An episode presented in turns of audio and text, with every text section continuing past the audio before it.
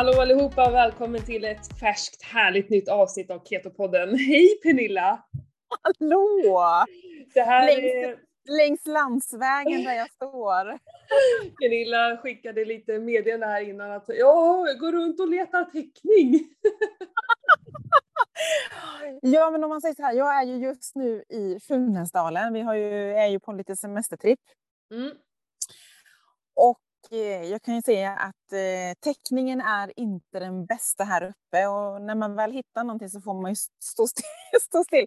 Så nu står jag på en eh, öde la- landsväg med en, vid en, precis med en mötesplats. Ja.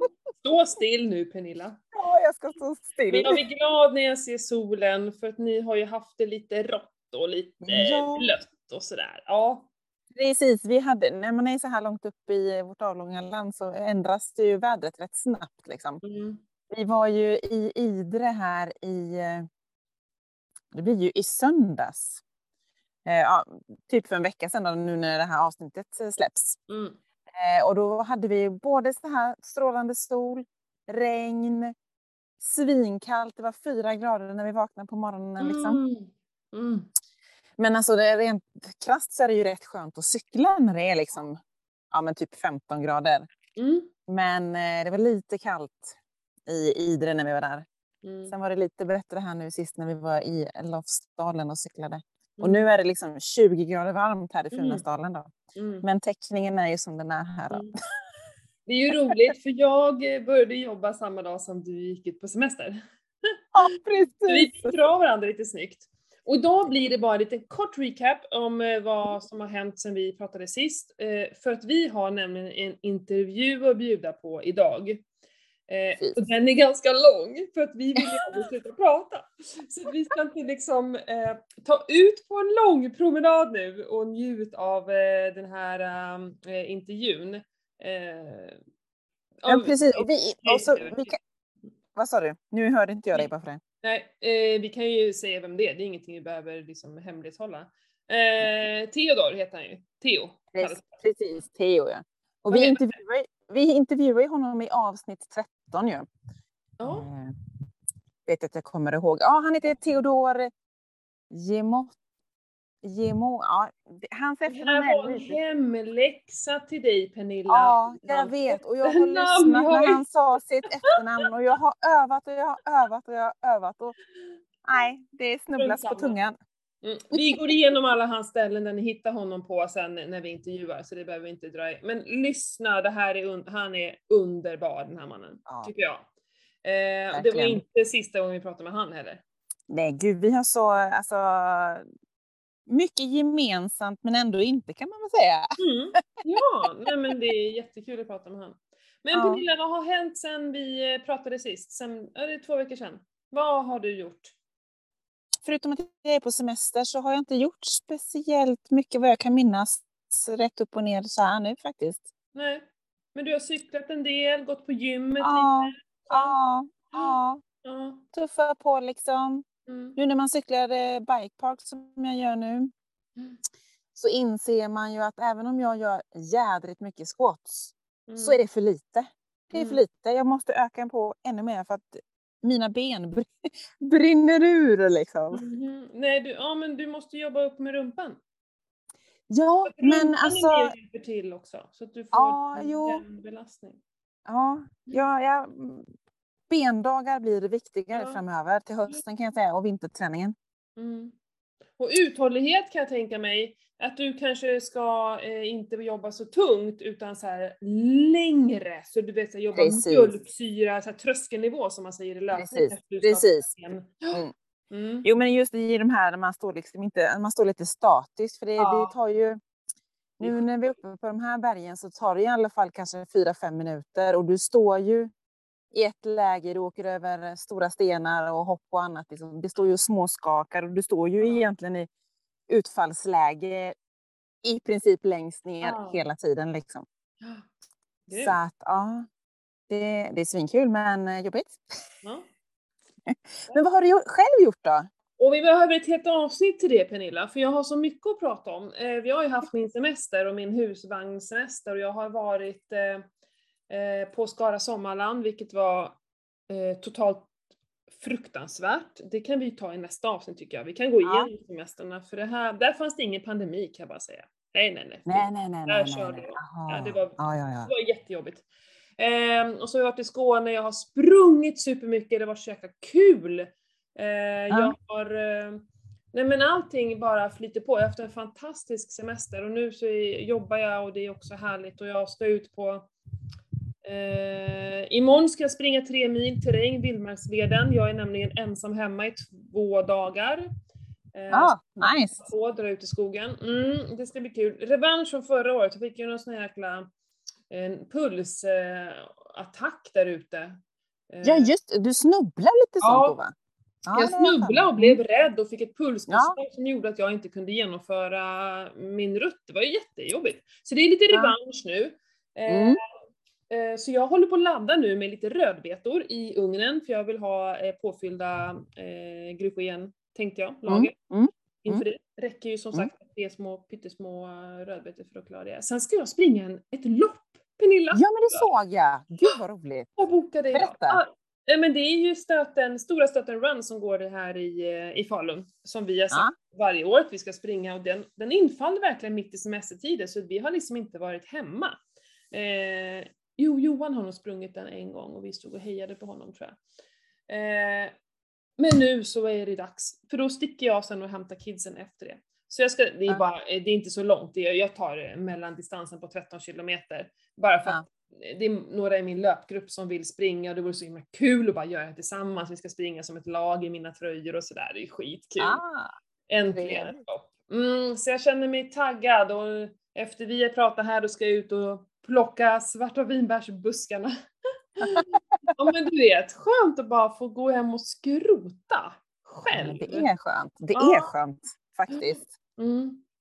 Jag är Ja, och, väldigt klar med semestern, så nöjd. Fyra veckor var toppen alltså. Helt Ja. Men Ja. nu är jag ju taggad och redo och så mycket nystartskänslor.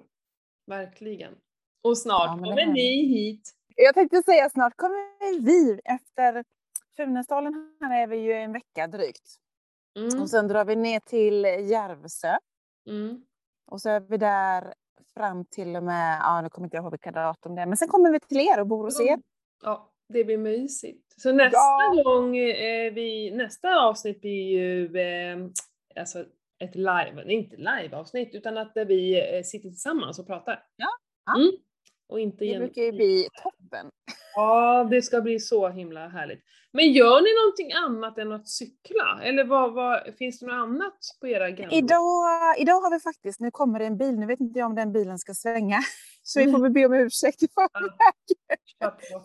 Nej men idag har vi faktiskt vandrat. Åh. Eh, så då har vi gått till ett vattenfall som heter Anderssjöåfallet. Mm. Jättevackert. Mm. Eh, den skulle vara sex kilometer men vi gick inte mer än tre, kilo, tre kilometer så att eh, ja, jag vet inte om den börjar någon annanstans än var vi började. Det var väldigt kort. Ja. Eh, sen funderar vi på att åka bort till ett, eh, ja, Ramenberget heter det. Där har de eh, grottor Ja. såna här, eh, som man kan gå in i. Så då tänkte jag att vi kan vandra där och gå in och kika där.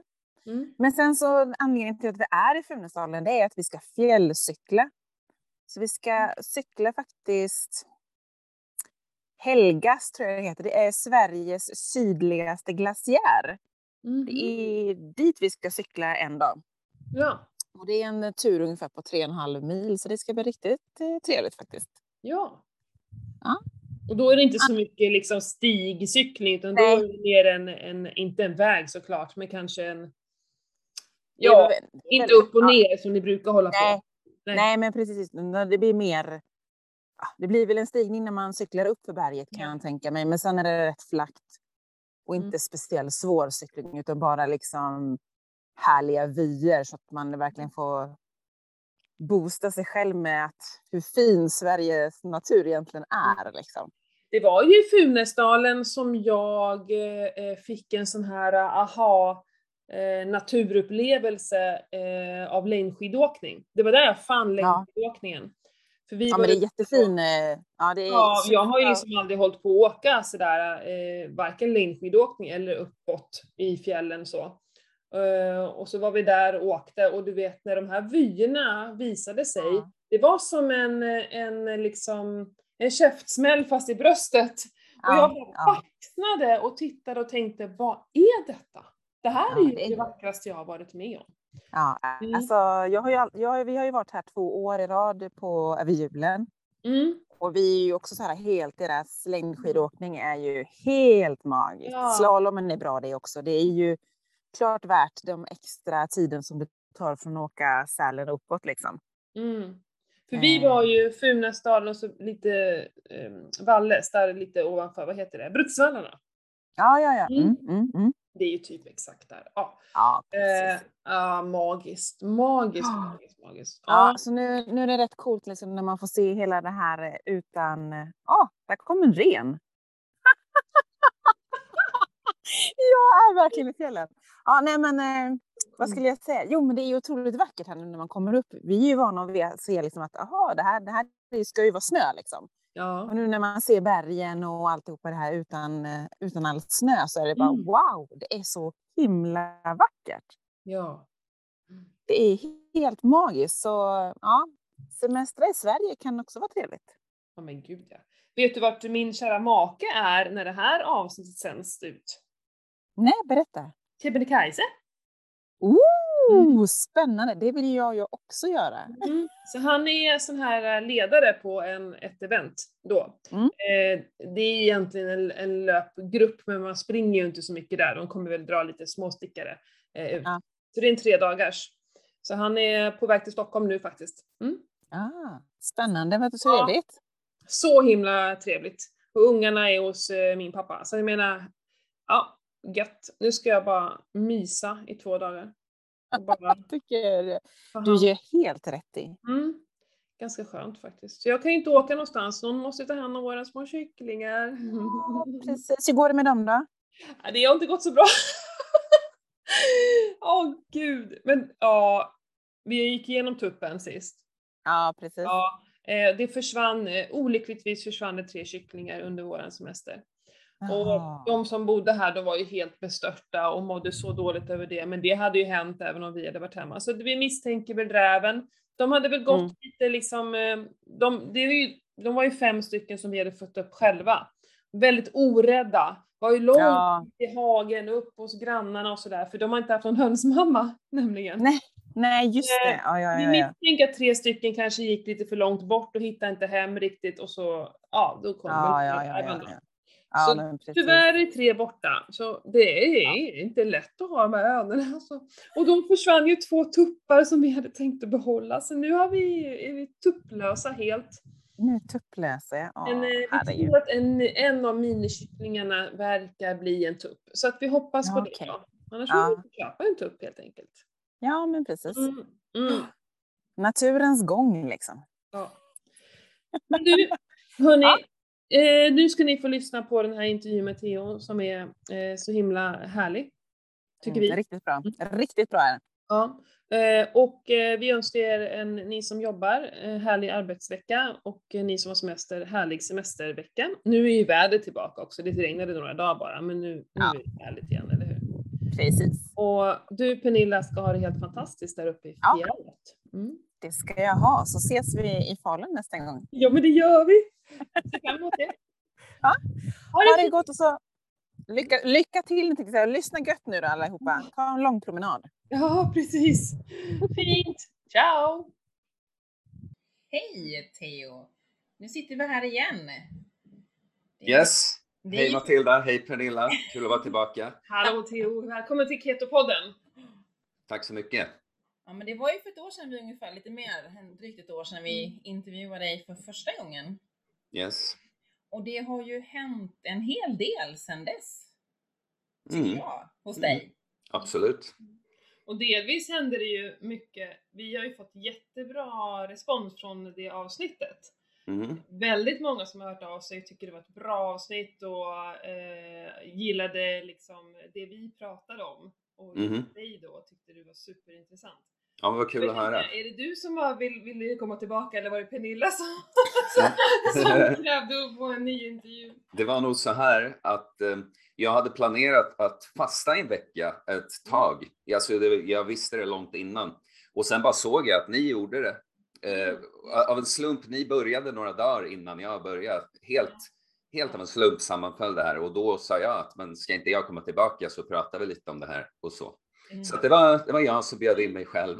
Ja, men det, det är superbra gjort för att man, man, det är lätt att glömma bort sånt att det faktiskt går att ta tillbaka någon och sen vad, Mm. det har gått eh, dryga ett år, ett år och några månader, vad har hänt sen sist? Och då Mm. har vi, vi har ju mycket gemensamt i fastan och Mm.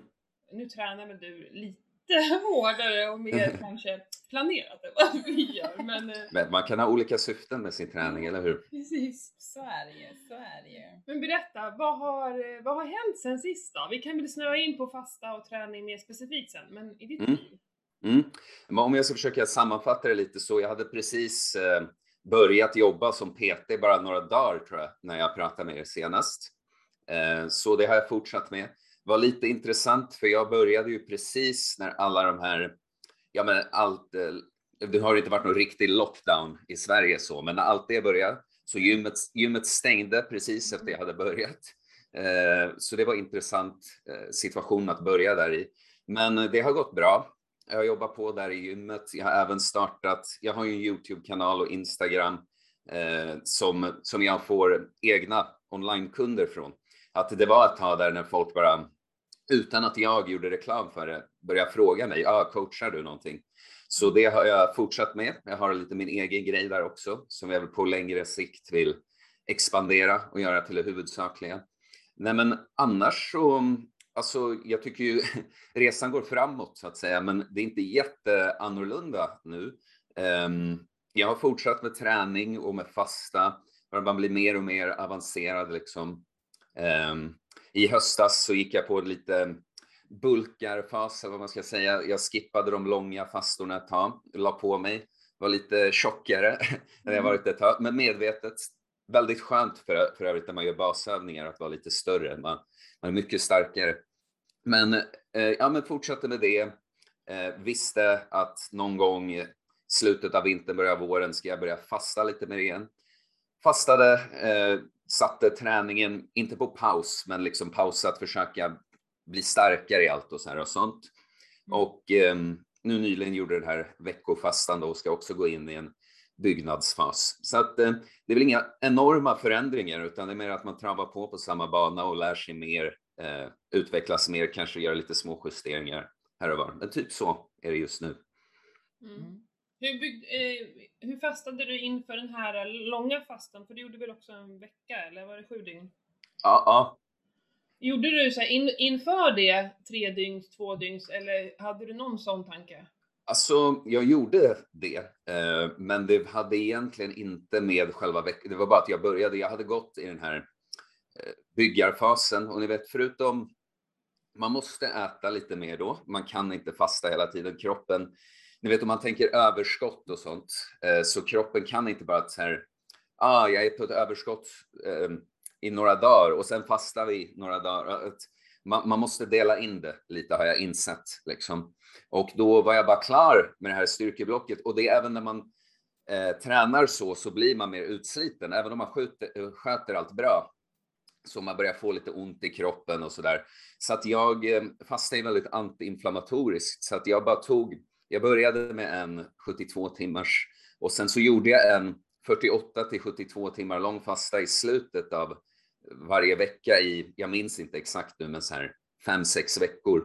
Så det var egentligen inte, inte nödvändigtvis inför veckofastan. Eh, jag, jag bara visste att jag skulle gå in i en period när jag fokuserar lite mer på det och att i slutet mer av det så kommer det bli en veckofasta.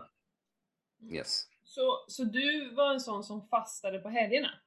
Ja, Ja, så det är helt tvärt emot vad man brukar palla med liksom. ja, ja, alltså jag menar, för mig är ju helger, oavsett om jag fastar eller inte, så är det inget särskilt vad gäller mat eller någonting. Jag är ju löjligt strikt med sånt där. Jag, jag, det, det är väl, ja, det är svårt att komma på när jag gick utanför min liksom diet eller kostplan eller vad man vill kalla det. Mm. Eh, så att för mig är det att lägga det på helgen är bara så här, ah, det är slutet av veckan och sen börjar en ny vecka, då börjar jag om. Det är så här, Ja. inget märkvärdigt. Mm. Du, du har inte barn ännu, det märks. Nej, nej precis. Det är inga Det, tacofredagar där inte. nej, nej, men ja, nu ska jag inte vara sån, men jag kommer ju försöka göra barnen likadana när, det- när det väl är dags. Sen jag vet att det, Bra innan tyck- skolan. Jag tänkte, ja, men jag tänkte också säga, jag förstår att det är lättare sagt än gjort. Det är lätt att säga hur man ska göra när man inte behöver göra det. Liksom. Men, Ja. mm. Det är inte så svårt att göra, men det är väldigt svårt för att vi blir så påverkade av andra. Mm. Eh, Så liksom barnen ifrågasätter ju, varför gör vi så här? Varför gör inte vi som alla andra? Mm. Varför får vi inte fruktyoghurt till frukost? Varför, varför, Mm. varför? Mina barn har till och med slutat äta frukost för att det är så tråkig frukost. Mm. Jag kommer aldrig köpa flingor och fruktyoghurt. Och då tänker jag så här, det är ju skitbra att de kanske kör periodiskt fasta istället. Alltså Mm. det gör mig ingenting. för Nej, nej, nej. De kommer inte dö av det. De äter, det som jag märker är att de äter mycket större portioner lunch och Mm. middag. Vad Mhm. spelar det för roll så länge de äter? Det är ju inte bra- bra att hoppa över varje måltid men nej, och deras humör är ganska stabilt och Ja. det, Ja. det funkar bra liksom. Låter bra. det än att starta dagen med socker. Då har jag gjort dem en väldig oförtjänst, Mm. tycker jag. Mm. Men det där du sa om att, så här, att ungar börjar tänka att varför gör inte vi som de andra säger och sånt. Det är ju lite därför, alltså pre- precis som med andra människor som jag vill visa att, kolla, kolla jag gör, jag avstår massa saker, jag gör massa saker annorlunda, men så här, alltså kolla, kolla hur jag ser ut nu. Jag ser ju, alltså man ser att det är en bra grej om jag får säga så. Så det är så man får göra med barnen också, att bara kolla, vi gör så här för att det de andra gör, det leder inte till det här. Du vet. Eh, Jag vill leda in er på samma bana som mig. Det är därför vi gör annorlunda. Vi gör något eh, bättre, är så som jag ser det. Och det vet de i grund och botten, för jag ska säga att jag har ju det här, eh, en sån här bingo som jag har gjort, juli-bingo kallar jag den för, och det vilka mina barn också gör, det är roligt. Mhm. Och då ska vara det så här, skriv fem saker som du är tacksam över. Och båda barnen har skrivit att de är tacksamma över att mamma vet så mycket. Hm, du ser.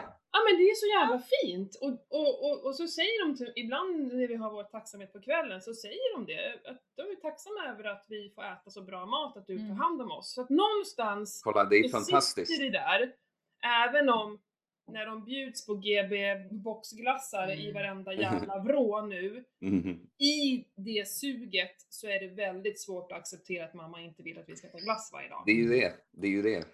Ja. Mm. Man bygger en bra grund. Ja, nu slank vi in på det. Men det är Ja. också, eh, ja. Ja, ja, nej, men tacksamhet är viktigt. Jag anser att jag hade lärt mig det tidigare i livet. Um, jag, ja, och, och, och sen bara rent, jag tycker det är sånt som barn ska få lära sig. När jag var liten, jag visste inte vad som var bra mat eller varför det spelar någon roll vad jag äter eller så här. Alltså du vet, man får mest höra att så här, ät dina grönsaker om du vill vara hälsosam. Alltså så här vaga grejer som man inte kan ta till sig. En om dagen. Ja, men precis. Eh, så, sånt som man inte fattar varför. Om någon skulle förklara för mig, att, vet du när du känner dig trött och hängig eller si- sånt, det har faktiskt att göra med vad du äter. Och, och du vet när du mår så där bra, ah, det är när du tränar och när du äter bra. Mm. Att någon kunde förklara det här på riktigt. Liksom. Mm. Mm. Gud vad skönt det känns. Det känns som att någon så här klappar mig lite på ryggen nu och säger bra gjort. Ja, det, det gör jag absolut. ja men det är en kamp. Ja, men det vet Jo, ju men det- också. det det vet är jävligt också. jobbigt faktiskt. Min Mm. son är ju, fyller ju 15 här i augusti och han har ju kopplat ihop det här. Han, har ju, är- som han är i puberteten. Det är så mycket hormoner, det är tonårsfinnar. Alltså han har ju kopplat ihop det här beroende på vad han äter. Mm, På grund av att det blossar upp Mm. mer i ansiktet. mm. Ja men mamma det stämmer ju det du säger. Eh, ja, jag säger ju inte det bara för att jag ska lura dig eller liksom, vad tror du liksom? Nej men precis, Nej, men, och kolla det där, det är kul att du säger just det. Jag har, ni vet hur det är med akne, att man, man har genetiskt anlag för att livsstil påverkar, men vet, vissa skulle kunna leva hur som helst och aldrig få akne. Mm. Och, och, och vissa som jag även nu, när jag har väldigt goda vanor, då och då hoppar något upp. Och när jag var yngre, jag fattade inte alls hur det här hade att göra med liksom, kanske hur jag sover och vad jag äter och sånt. Det var mer så här, oj, jag har det här, jag bara har det här. Mm. Eh, och det är otur, det är synd. Vil- vilket piller kan jag ta nu? Ja. Eh, att, Så det är ju skitbra om han förstår redan när han är 15 de här Ja. sakerna som, som nu är självklara för mig. Men jag, det tog tio år till för mig liksom att hamna där. Jo, men det, man märker ju jätteskillnad på honom när han är, håller kosten och äter liksom mer striktare som Mm. vi liksom. Mm. Och att han när han sover bra, går upp i tid, är ute, rör på sig, då lägger det i sig liksom.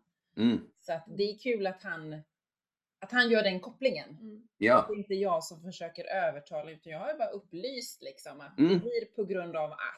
och sen talar resultaten för sig. Liksom. Ja, Ja. Mm. precis. Så att han är väldigt sparare när det gäller godis och annat bös. Mm. Som jag är glad och tacksam för. Men hur, hur äter du nu då? Vad har du för diet just nu? Mm. Alltså, du vet, jag, eh, jag, jag skulle vilja börja med att säga så här. Tack vare de långa fastorna när jag börjar med det och att jag sen alltid när jag bryter fastan äter bra clean mat, inget skräp liksom. Så tänk enkelt här, potatis, ris, kött, lite grönsaker, lite frukt, sånt där.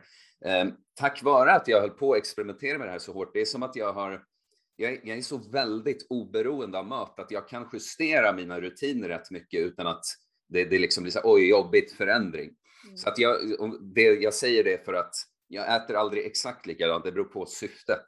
Men jag brukar säga så här, min, min baseline är Eh, periodisk fasta 16-8, det vill säga 16 timmar fasta, 8 timmar ätlucka. Äter oftast tre måltider där. Sen är jag inte helt så här, vad är ordet, men jag obsessar inte om det liksom att om, om livet kommer lite emellan att oj, nu funkar det inte så bra med jobb och få in allt på åtta timmar, ja men blir det tio timmar den dagen och fine så här. Eller om jag var väldigt aktiv under dagen, jag kanske tar ett fjärde mål när jag kommer hem. Och, och så här just nu när jag går in i en eh, uppbyggnadsfas, då är den periodiska fastan nästan pausad. Men jag förespråkar fortfarande låg ätfrekvens, inte massa små snacks hela tiden. Så att nu landar jag nog snarare på att det alltid är fyra måltider om dagen. Och så blir det kanske så här, beroende på, eh, men, men 12 till 16 timmar fasta eh, om dygnet. Så där har du någon sorts baseline. Och Jag tar, nu kommer jag igen ta lite paus från längre, flera dygns fasta för att bygga på mig själv. Och, och sen i andra faser som här nyligen, då gör jag det här jag sa igen, 16-8, bara att det kommer slängas in en 48-72 timmar fasta här och var. Så typ så. Typ. Det är så himla Mm. roligt. Det här är så fascinerande. För jag frågar vad är din diet? Och då Mm. pratar du ät.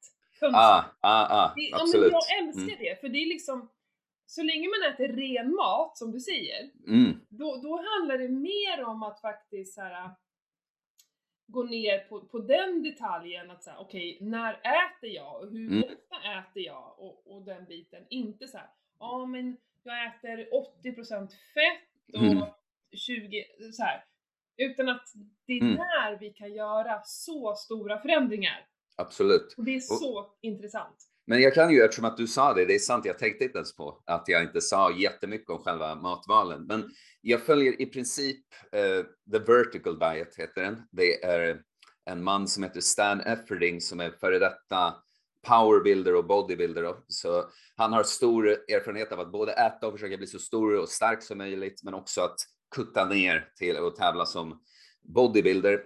Och då jag jag använder egentligen, det är inte som att jag följer den här och sitter och läser hans recept eller någonting, utan eh, jag följer, vad ska man säga, the outlines. Att eh, där man får mest kalorier är från vitt ris och eh, rött kött. Det, det är liksom basen för kalorierna. Sen i det röda köttet har ju mycket vitaminer och mineraler också.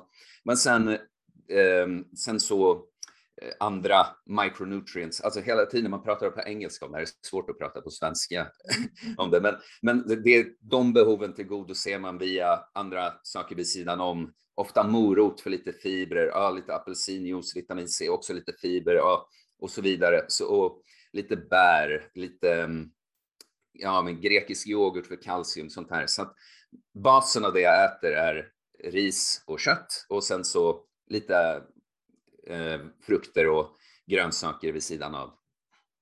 Mhm. Eh, vi som är i eh, Keto-podden, fettet då? Vad är, vad är Eh. fetter? Eh, m- mitt fett, jag skulle nog säga att ehm, det är rätt eh, moderat kan man säga. Jag försöker liksom inte på något sätt snåla med fettet. Att även när jag har som syfte att ah, jag ska gå ner lite i vikt. Jag, jag drar inte nödvändigtvis ner på fettet utan bara totalen i sådana fall. Eh, fettet, vad kan det landa på? Det landar säkert på ändå en tredjedel av eh, kalorierna.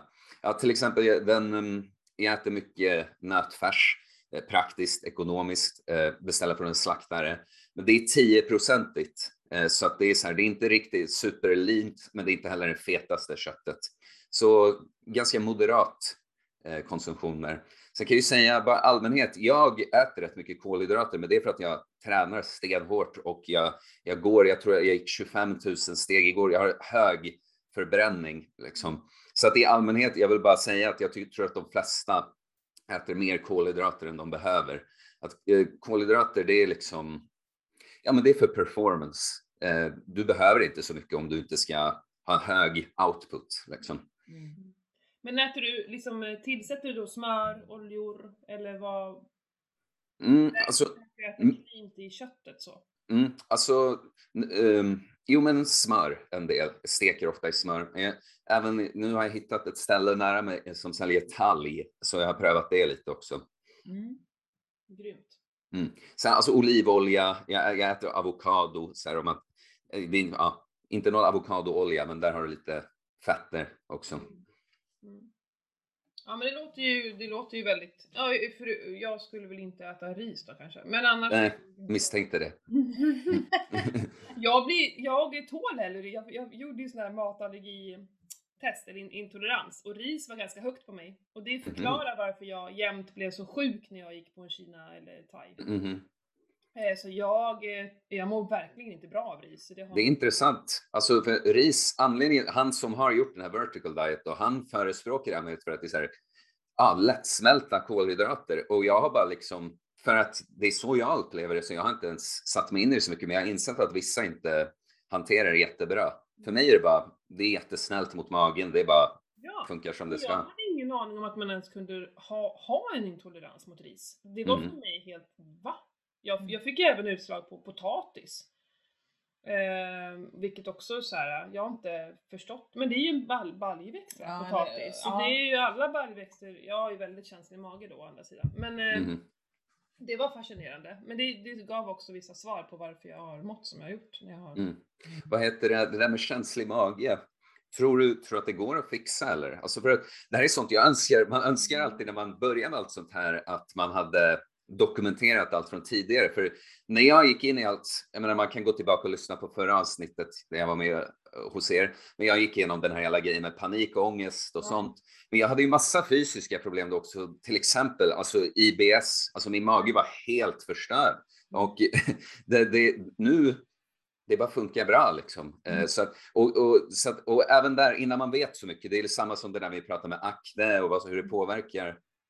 Jag tänkte liksom att bara, nej, men jag kanske bara har en känslig mage, men mm. kanske man inte alltid bara har det, kanske man kan laga det. Det är därför jag frågar. Liksom. Jag tror absolut att man kan laga det. Jag eh, börjar väl så smått, eh, jag doktorerar med mig själv kan man säga. Mm. nej men jag tror på riktigt att jag kanske hade en, en riktig tarmsjukdom förut. Mm. Alltså jag, jag misstänker att jag faktiskt hade något Crohns eller någonting. Mm. Riktigt, nu när jag förstår hur allvarligt det var. Mm. Och det kan, det är nog att den försvinner väl egentligen inte helt, sen kan du leva i det utan att du får något skov och sånt. Men det kan alltid komma, det ligger som latent på något jävla mm. vänster.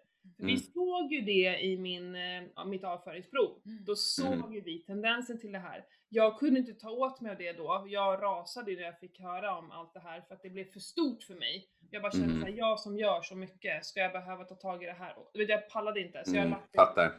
Men jag har kunnat gått och tänkt på det här att, och det var mycket jag pratade med Pernilla också, att det är inte så att jag är på väg att få Crohns tror jag, utan kanske att jag har haft det. Mm. Mm. Och, och det jag har gjort de senaste, det är tio år nu jag har liksom jobbat med min hälsa. Det är ju ingenting i mitt 45-åriga liv. Nej, exakt, exakt.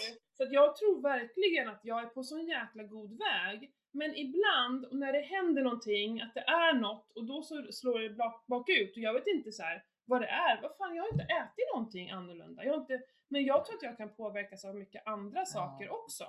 Är det att Mm. det blir något så här Ja men jag tror fasiken att de här katterna som jag skaffade mig, som jag nu har gjort mig av med för jag kände att det är något som händer med min hälsa. Jag tror att Mm. de katterna i påverkan med massa andra saker skapade obalanser hos mig. Jag, Mm. Det här är ju liksom bara helt egna Ja, ja. Men Det jag, är så jag gör hela tiden. Så. ja, men jag tror mycket på det för nu när jag inte har kvar katterna så märker jag sån otrolig skillnad i min hälsa igen. Mm. Du Eh, ser. Så, så jag tror att man absolut kan, men det beror på så här, hur stor är skadan innan? Mm. Alltså jag, jag gick ju hos läkaren min mage när jag var ett och ett halvt år. Ja, Jag hade ju, det var ju mer, jag tror det var gluten då som var problemet och då gav de mig potatis och fisk liksom. Mm. Eh, och jag blev ju aldrig bra och sen har jag åkt in och ut på sjukhus i hela mitt liv. Så att det, det är liksom, det är så långt tillbaka och så skadat. Alltså mina farmor är så skadade tror jag. Absolut. Men, Jo, men det, det är det där man får tänka också. Det är, det är som att det är inte för att du äter på Donken en gång som du blir ohälsosam, det är för att du gör det under lång tid. Mm. Och det är samma sak då om du bara, ah, nu hoppar jag på och äter fin ketomat här en dag. Det, det, det är inte botat efter det heller, det tar lång tid också. Och jag skulle vilja passa på att tipsa dig om det är en Youtube-kanal jag hittade rätt nyligen som heter Leo and Longevity. Eh, och det är då Leo, en kille som han är väldigt, han är biohacker typ och grejen är att då, han är inne en hel del på steroider och grejer också, så pratar med bodybuilders och de vill optimera sådana saker, men det är inte det enda. Och då vet jag, jag har kollat och lärt mig mycket av honom, eh, men jag vet att han har haft Crohns just, som han har fixat väldigt bra. Sen för att jag inte haft det problemet har jag inte kollat, jag har bara hört honom nämna det, men han har säkert videos om det. Så det skulle kunna vara något att kolla på. Jag vet att han har fixat det väldigt bra, så att det kunde vara kul. Ja, kanske något att se om du kan hitta någon inspiration där. Ja, superbra. Jag har ju även träffat, eh, som jag har gått utbildning med, som har ätit sig friska från det. Mm. Eller friska, de har liksom fått kunna sluta med medicinen. Men det har kommit tillbaka i skov efter det. Mm. Att, men så man, man blir inte... Ja, man kan ju bli friskförklarad, för friskförklarad är väl att man inte har något symptom på två Ja. år. Jag vet inte vad det är, Mm. men liksom, det finns där. Och, och Mm. det kan någonting hända i livet som gör att det kommer tillbaka. Absolut. Stress kan påverka och, och som, ja, mycket annat också. Som jag ser det på så, sånt där är att vissa grejer kanske aldrig man kan ta bort 100 procent, men du kan ju höja din lägsta nivå liksom. Så Ja. absolut, absolut. Det är som faktiskt även i höstas så jag hade en del personliga grejer som pågick och jag blev väldigt eh, stressad. Då var min mage inte jättebra heller och jag åt exakt samma sak som nu, så det är liksom så här uppenbart att eh, andra faktorer påverkar också. Mm. Allt, allt hänger ju ihop på ett eller annat sätt liksom. Och är det Mm. något som rubbas så, Mm. så blir det ju liksom. Ja, det är så himla intressant. Ja. Jag är så tacksam över att jag experimenterar och testar mig fram. Och Mm. Nej, men jag mår inte bra av mjölk, även om inte det syns på mina, äh, liksom, mina tester. Så här, Mm. Jag vet ju, jag känner mig Ja, ja. Jag avstår, för att det gör mig inte gott. Mm. Det är inget svårt för mig att stå emot glass. För att Nej. jag mår inte bra av det. Alltså, Exakt. det är jäkla lätt och så sitter andra där och bara åh fy fan min mage så här. Igår, hon bara, hennes mage var helt uppblåst och hon bara åh, och då liksom käkade hon hamburgare till lunch och det var ju tacobröd till middag. Jag bara ja, Mhm. hallå. Undrar varför. Och, de, och så de vuxna i närheten och bara åh så det här brukar också bli av bröd. Men det är ju så gott. Mm. Hej, gör så. Ja, ja, de, de, väljer, de väljer kortsiktig njutning över att må bra hela tiden. Det är eh. Det, det här är, jag var på en annan podcast nyligen, den har inte kommit ut än, men med en kille jag känner. Och då snackar vi om det. Eh, Han har en liknande bakgrund som mig med att eh, varit ganska vilsen och festat och varken psykisk eller fysisk hälsa särskilt bra. Liksom. Och då när man har perspektivet att man har haft det där och sen inser bara shit, all, när jag tog bort alla de där dåliga, alltså alkohol, dålig mat och så vidare. Jag mår ju asbra nu hela tiden så här. Och då blir det plötsligt som du säger om glassen där, eh, det är inget svårt att säga nej. Typ, Nej. jag har en farbror som, uh, som vi, alltså jag, jag älskar honom och allting, men vi brukade dricka mer tillsammans. Eh, och nu, han försöker alltid fråga mig, han har inte fattat än och jag säger nej men det är lugnt, det är, jag behöver inget. Och han är så här, ah, så stark. Och han fattar inte, jag behöver inte vara stark. Jag så, eh, jag vill inte, jag genuint vill inte göra det här. Sen, för, förlåt, men en annan sak där också är att när man har en väldigt ren baseline, du tränar, du äter schysst, du sover bra, då märker du av små rubbningar mycket mer. Eh, det är som, eh, du vet många, många som bara, någon average människa, den skulle säga, nej men om jag dricker två öl, så här, det, jag känner inte av något av det nästa dag. Så bara, nej men det är för att du känner redan alltid av din sömnbrist, att din mage är lite förstörd av det du äter. Mm. Det, det är liksom, medan om jag nu, där jag är nu, dricker två öl, alltså det är inte som att jag är bakis och mår illa nästa dag, men jag bara känner så här, jag är några procent sämre än vad jag kunde vara. Jag gillar inte. Det blir ingen öl. Eh, liksom. Eh. Jag, jag, har ju skaffat en sån här Åra Ring och det är mm. väldigt intressant just för jag testar ju mig här också. Eh, till exempel om jag dricker, jag kan ta, jag gillar att ta ett glas vin medan jag lagar mat. Jag mm. behöver mm. liksom, sen så behöver inte jag ha något mer vin och på kvällen och så här. Jag, jag har liksom tänkt att nej, det känns som att jag inte sover lika bra om jag dricker vin efter maten och så. Mm. Nu hade jag några, lite besök här och då, då, testade jag verkligen det och kunde ju se kvaliteten på sömnen. Mm. Alltså det är mm. så markant, det går inte att... Nej. Och pulsen, mm. frekvensen, allting påverkas och då dricker jag inte mycket. Vi pratar liksom kanske Nej, exakt. ett och ett halvt glas. Mm. Men det syntes så och i morse så, jag gick och la mig också igår eftersom de inte hade någon besök kunde gå och lägga mig typ 20 över 9 som är min vanliga tid. Ja, ah, skönt. Eh, vakna av mig själv klockan 6 och bara så pigg, så mm. nöjd, så glad liksom och var ute och tog en rejäl runda så, runt sjön. Mm. Och, och bara, det gjorde jag, igår orkade jag inte ens gå en promenad när jag vaknade på morgonen. Nej, ja. du ser. Och då, ja, så det här... Har man det perspektivet så blir det ju enkelt. Ja, men om man hela tiden som du säger lever i det och, och liksom alltid sover lite för lite, alltid går och lägger sig ganska sent och alltid... Det blir en dimma liksom. Nej men mm. det är klart man inte, nej men jag kan dricka kaffe klockan sex på kvällen, det mm, påverkas inte av. Nej, för du somnar av utmattning varje mm. kväll liksom. Ja, exakt. Så det är klart du inte märker av det. Nej.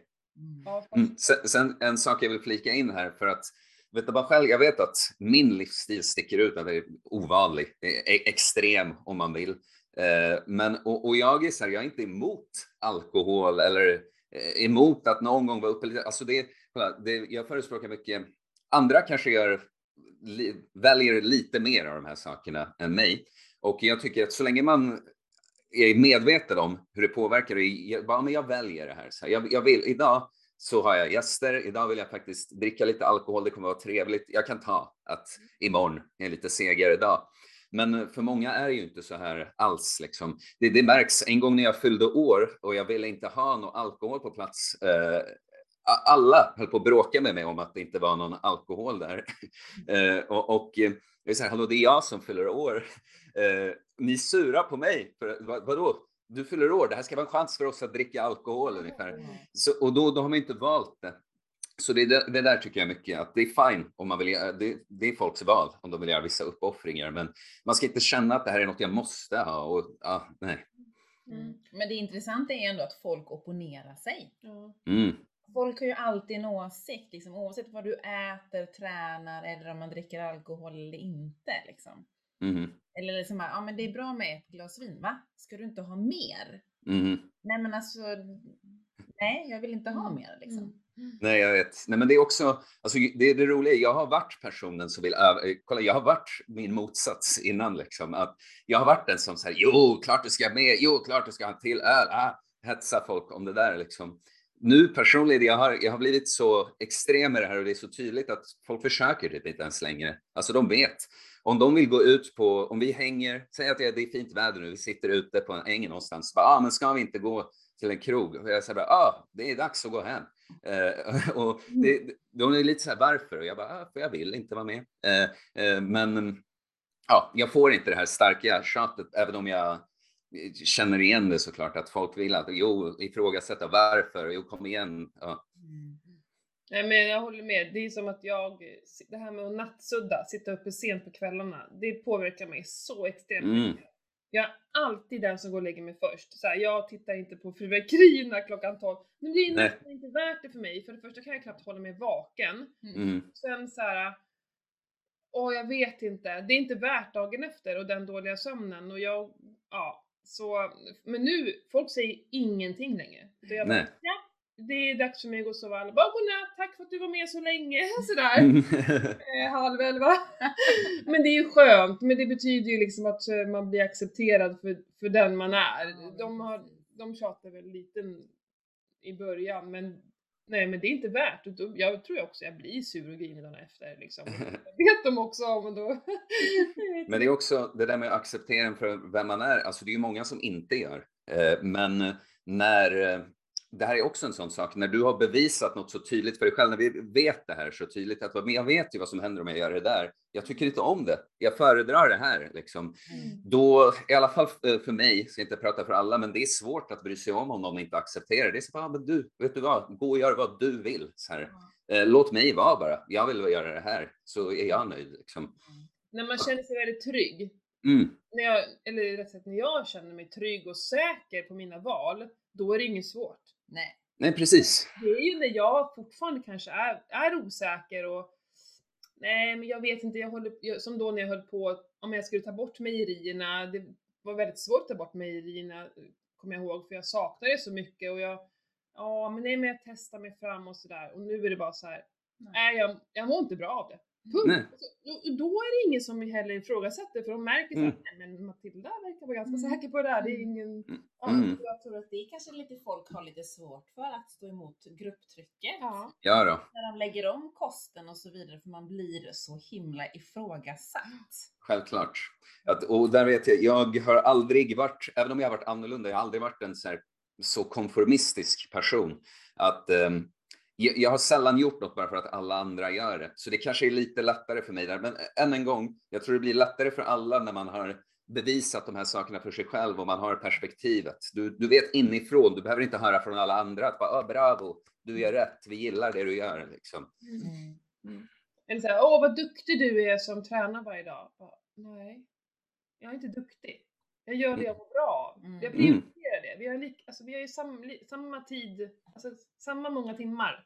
Mm, Men så handlar det om vad gör du på Mm. dina timmar och vad gör jag på mina timmar. Liksom. Mm. exakt. Duktig, Jo. det är mitt värsta ord. Jag hatar du är så duktig. Eh, Nej, men det är en rolig grej det där också, att eh, det är många som säger att de inte har tid. Och, och de, du vet, många ursäkterna för att de inte är där de vill vara är att du har det ju så enkelt. Liksom. Som i mitt fall, ah, men du jobbar ju på gym, det är ju lätt för dig. Så jag bara, ah, fast jag, det finns inte en situation där jag inte hade fått träningen gjord. Alltså jo, jag visst om jag bryter alla armar och ben och så här. Eh, men ni fattar. Och, och ofta, jag jobbar ju på gymmen en gång och många som är duktiga på att vara där mycket, det är entreprenörer som eh, jobbar asmycket. De hittar tiden på något sätt liksom, så det, det är en, det är en ursäkt, det är bara en ursäkt, det är skylla ifrån sig, jag har inte tid. Liksom, jo, det, du, du tar dig inte tiden. Mm. Exakt. Det gäller ju att planera in det liksom att Ja. det här ska göras liksom. Mm. Mm. Jo, det blir självklart, eh, när du, än en gång, har du varit på en sån bana, du har inte mått bra, nu mår du bra, då, då det blir en självklarhet. Det här händer idag. Idag ska jag till gymmet, så är det bara. Mm. Ja, det säger jag oftast när jag har mina kunder och klienter. Det handlar om att planera din dag. Mm. Hur, vill du, så här, planera, hur vill du att din dag ska se ut idag? Ja, Mm. men idag skulle jag verkligen vilja ta en promenad och kanske köra ett träningspass. Okej, Mm. när tänkte du göra det då? Och så här, ja, jag vet inte, på förmiddagen. Okej, vilken tid? Och du vet, när de är tvungna att säga, ja men klockan nio skulle nog passa bra. Bra! Då kör du klockan nio imorgon så. Mm. Ja, absolut! Och då har de bestämt till klockan nio ska jag träna, så gör de ta med Mm. tusan det. Mm. Men om du känner så här, "Nej, jag tänkte träna imorgon. Ja, Nej, det blir... nej men det, det är som att Det du... låter tråkigt, men det är liksom, det är faktiskt det vinnande konceptet Mm. på något Mm. Jo, men det, det är som att många beter sig som att de eh, inte har någon kontroll över sina liv, utan jag bara sitter på, jag vet inte, i den här båten och dri- driver med strömmen. Om jag råkar hamna på gymmet imorgon, då blir det så. Mm. Men du kan faktiskt, ja nu är det ju i viss mån så att livet, vi kan inte styra över allt, men du kan faktiskt styra riktning många gånger. Så. Mm, mm, mm. Men ska vi prata om träningen då? Vad är ditt, Mm. eh, vad har du för träningsmål? Eh, mål. Alltså, det börjar... Delmål, för du har Mm. Sure. Alltså jag, jag bör, träningen var ju en ren må bra-grej eh, för mig från början. Jag kanske nämnde det förra gången, jag minns inte, men förr i tiden så hade jag tränat mycket bara för att vara snygg, så att killar tycker jag är cool och tjejer tycker jag är snygg. Typ, liksom. eh, och så nu, då börjar man om på en helt annan situation när man börjar från, jag vill bara må bra. Jag vill bara må bra. Och sen så visade det sig att, ja just det, jag var ju duktig på det här. Jag styrketränade ju lite i tonåren och sånt. Så jag har allmänt försökt bli eh, starkare. Men sen så har ju fysiken kommit på köpet där liksom. Och jag har märkt, jag har, jag har goda genetiska förutsättningar för kroppsbygge. Att ni vet, alla kan bygga muskler, men man har lite tur med hur det ser ut och vad som är starka delar och sånt där. Men just nu så är det faktiskt, det är kul. Det är kul att du frågar, för det är en ganska speciell eh, fas. Jag ska ta lite sista uppbyggnadsfas, eller inte sista som någonsin, men jag har haft mycket fokus på det här, styrka och fysiken, styrka och fysiken. Um, och nu ska jag göra en liten sista påbyggnadsfas, men jag har även faktiskt skaffat en egen coach eh, som ska hjälpa mig med framförallt rörlighet. Eh, att jag börjar vilja röra mig mer mot lite skills. Att om jag tar något jag tänker på långt sikt, det är handstand push-up. Att inte bara kunna stå och balansera på händerna, utan göra det eh, stabilt i en press. Liksom. Och, eh, sån, och sen bara få bättre rörlighet i allmänhet. Jag har även tänkt att det måste vara en lite outforskad liksom, möjlighet till bättre muskelbygge. Kan, har du bättre rörlighet, har du bättre rörelseutslag, bättre potential för hypertrofi, bygga muskler. Så just nu går jag igenom en eh, lite byggarfas. Det handlar om estetiken. Det, det, just det, det vill jag också säga att jag, förutom att jag personligen nu tycker det är roligt bara att så här bygga, se det som att det är ett hantverk, kroppen. Många kommer till mig för att det är så här, wow, så här, vilken kropp du har, hur gör jag det? Kan du hjälpa mig? Liksom. Så det är varumärket lite. Men så där är jag just nu, i en byggarfas, när jag kommer få hjälp av den här coachen att implementera lite rörlighet i det hela också. Mm. Hur mycket tränar du då? Eh, det blir sex gånger i veckan. Eh, just nu push-pull legs är splitten. Ni vet säkert, men för tittarna då är push pressrörelser, det vill säga framsidan av axeln, triceps och bröstet. Eh, pull är rygg, biceps och legs är ben då. Så så dela in det nu. Just nu så eh, är allt så on point med min sömn och mat och sånt att jag känner att jag skulle kunna träna på den där sjunde dagen också. Men eh, ska försöka vara lite tålmodig och ta det som en dag när allt får återhämta sig lite. Men kör du eh, som någon periodisering i, ja men, få reps eh, tyngre eh, eller många reps och lättare, eller hur lägger du upp den eh, planeringen? Mm. Eh, jag, jag cyklar sånt lite, men jag har ju ändå någon sorts standard eh, outline för mina pass. Jag, jag skulle sammanfatta min träningsstil som powerbuilding, någon sorts snitt då mellan styrkelyft och kroppsbygge. Så att eh, det är ofta i början av eh, i början av passet, ofta någon basövning, kan vara en snedbänkpress, eh, squat, knäböj, marklyft, um, chin-ups eh, med viktbälte eller så. Eh, jag gillar siffran 6 mycket för sådana här eh, övningar i reps. För att det är någonstans i mitten av styrkeomfånget och hypertrofi, muskelbygge. Så ofta börjar så. Och sen, eh, liksom, ju längre passet fortgår, desto mindre och isolerade övningar blir det. Då går repsen upp lite, kanske närmare 15 hållet ibland till och med. Men sen även, in, det här det är så är standard, men sen även inom det så kan jag rotera lite att nu får jag för mig att, ja men squat, som jag brukar göra 6 reps, idag ska jag gå ner i vikt och göra 15. För att det är hemskt, man måste göra det ibland. Eh, ja men, men lite där. Jag gillar ju också att få rätt mycket mer. Jag hatar de här 12, 15, 20. Det är så jäkla uttröttande ju. Alltså jag älskar det i vissa grejer, men det är skitjobbigt i typ en högreppssquat är usch. Alltså för att du mår illa och sånt långt innan musklerna har gett upp, förstår. Medans när du gör låga reps, då, ja, det, det är mer att varje rep är lite så här, uff. man behöver bita ihop. Vad sa du? Det är kortare tid man behöver bita ihop. Mm, ja men lite så är det ju. Mm.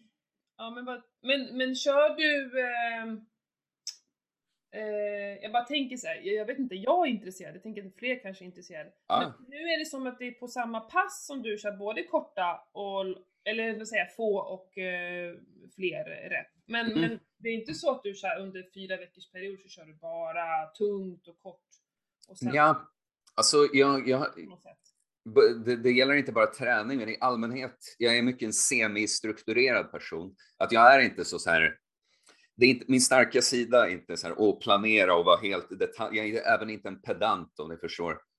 Så jag har ofta att i några sådana här övningar, en squat, marklyft, bänkpress, att man har något sätta i system att ja, men tre set, sex reps, här vill jag kunna öka vikten liksom.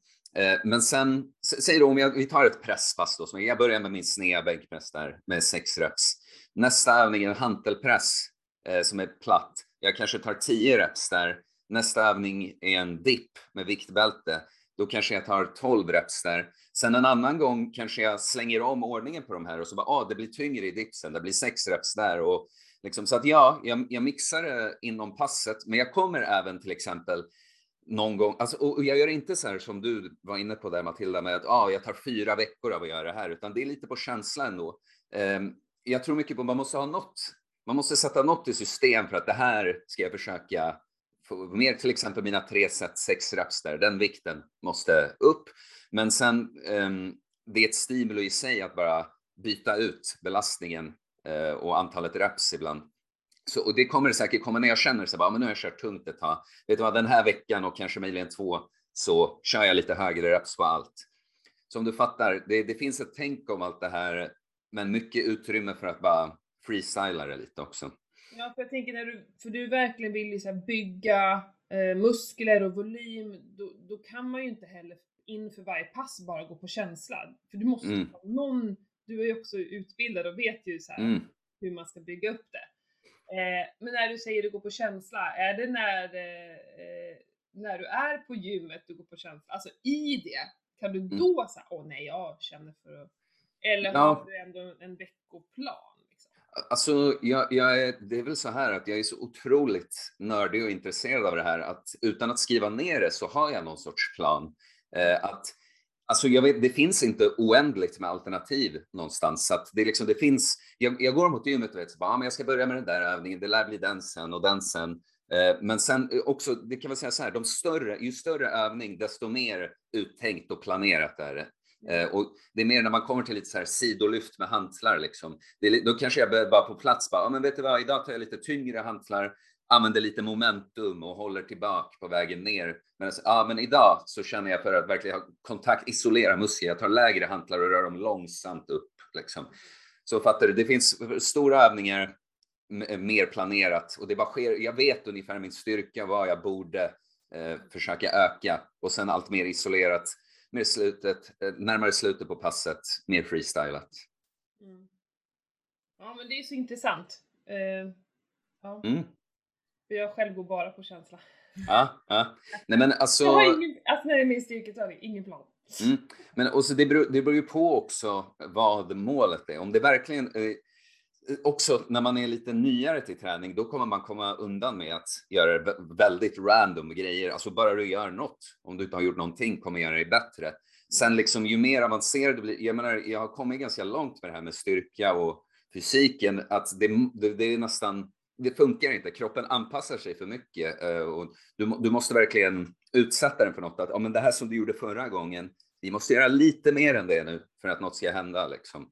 Mm. Eh, Men, men sen samtidigt, än en gång, eh, även om jag betonar vikten av det, att du måste se att någon utveckling sker. Alltså det är också sådana här saker som är roligt.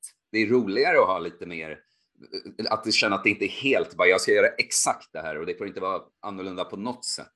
Och ibland när du lär känna kroppen bra kan du bara känna, bara, vet du vad, den här övningen, den är nog inte bra idag, jag är lite öm här, jag tar den här istället. Eller, ja, den här övningen känns inte så bra att köra tung idag, jag känner mig lite svag, jag går ner lite och kör lite högreps. Så, mm. Mm. Ja men den känslan är ju skön att man kan, kan gå på det. Ja, När man vet bara nej nu står det att jag ska göra 10 rep, då måste jag göra 10 rep. Utan bara så här, nej det här går inte idag. Nej. Mm. Men varför blir kroppen bekväm om man kör, jag som inte är utbildad? Mm. Jo men ibland när man kör liksom vissa muskelgrupper, det, man känner att nej, men nu händer ingenting mer. Då har kroppen anpassat sig till den vikten eller liksom, och den rörelsen då eller? Hur, varför blir det så? Vet ni det? Jag som inte... Mm. Alltså, alltså utbildning och så, alltså jag är utbildad, men mycket, jag tycker det mycket är alltså uncommon sense, eh, osunt förnuft, eh, att, man, man listar ut det liksom. Alltså, som jag ser det, du vet, kropp, träning och sånt, det du utsätter kroppen för något när den är bara så här, ah shit, så här, det här var svårt, det var jobbigt, det, det är bäst att göra någon anpassning så det blir lättare i framtiden. Och sen vissa grejer, det är bara, det, det är mer avancerat. Det, det är som att kroppen kommer till en punkt när det bara säger men vi är starka. Så här, det, det spelar ingen roll att du, du har gjort samma sak om och om och om igen. Att vi är typ tillräckligt starka. Det, det är som att kroppen gör så här. Du måste, så måste du utmana på något nytt sätt för att kroppen säger bara oj, det kanske inte bara var vikt. Det kanske var till exempel att du ändrade tempot du gjorde. Det bara, oj, nu blev det faktiskt jobbigt på ett nytt sätt. Eh, nu behövs någon ny anpassning. Så där är lite bara bro science resonemang om det hela. Mm. Men det är väl som med allting, när vi har gjort något väldigt mycket så blir vi ju bekväma, alltså Mm. bekväm är ju ett ganska bra ord egentligen. Ja men det här Mm. kan jag. Kroppen bara, det här kan jag, jag är bra på det här, jag vet precis vad jag ska göra nu, det är som vanligt, inga problem.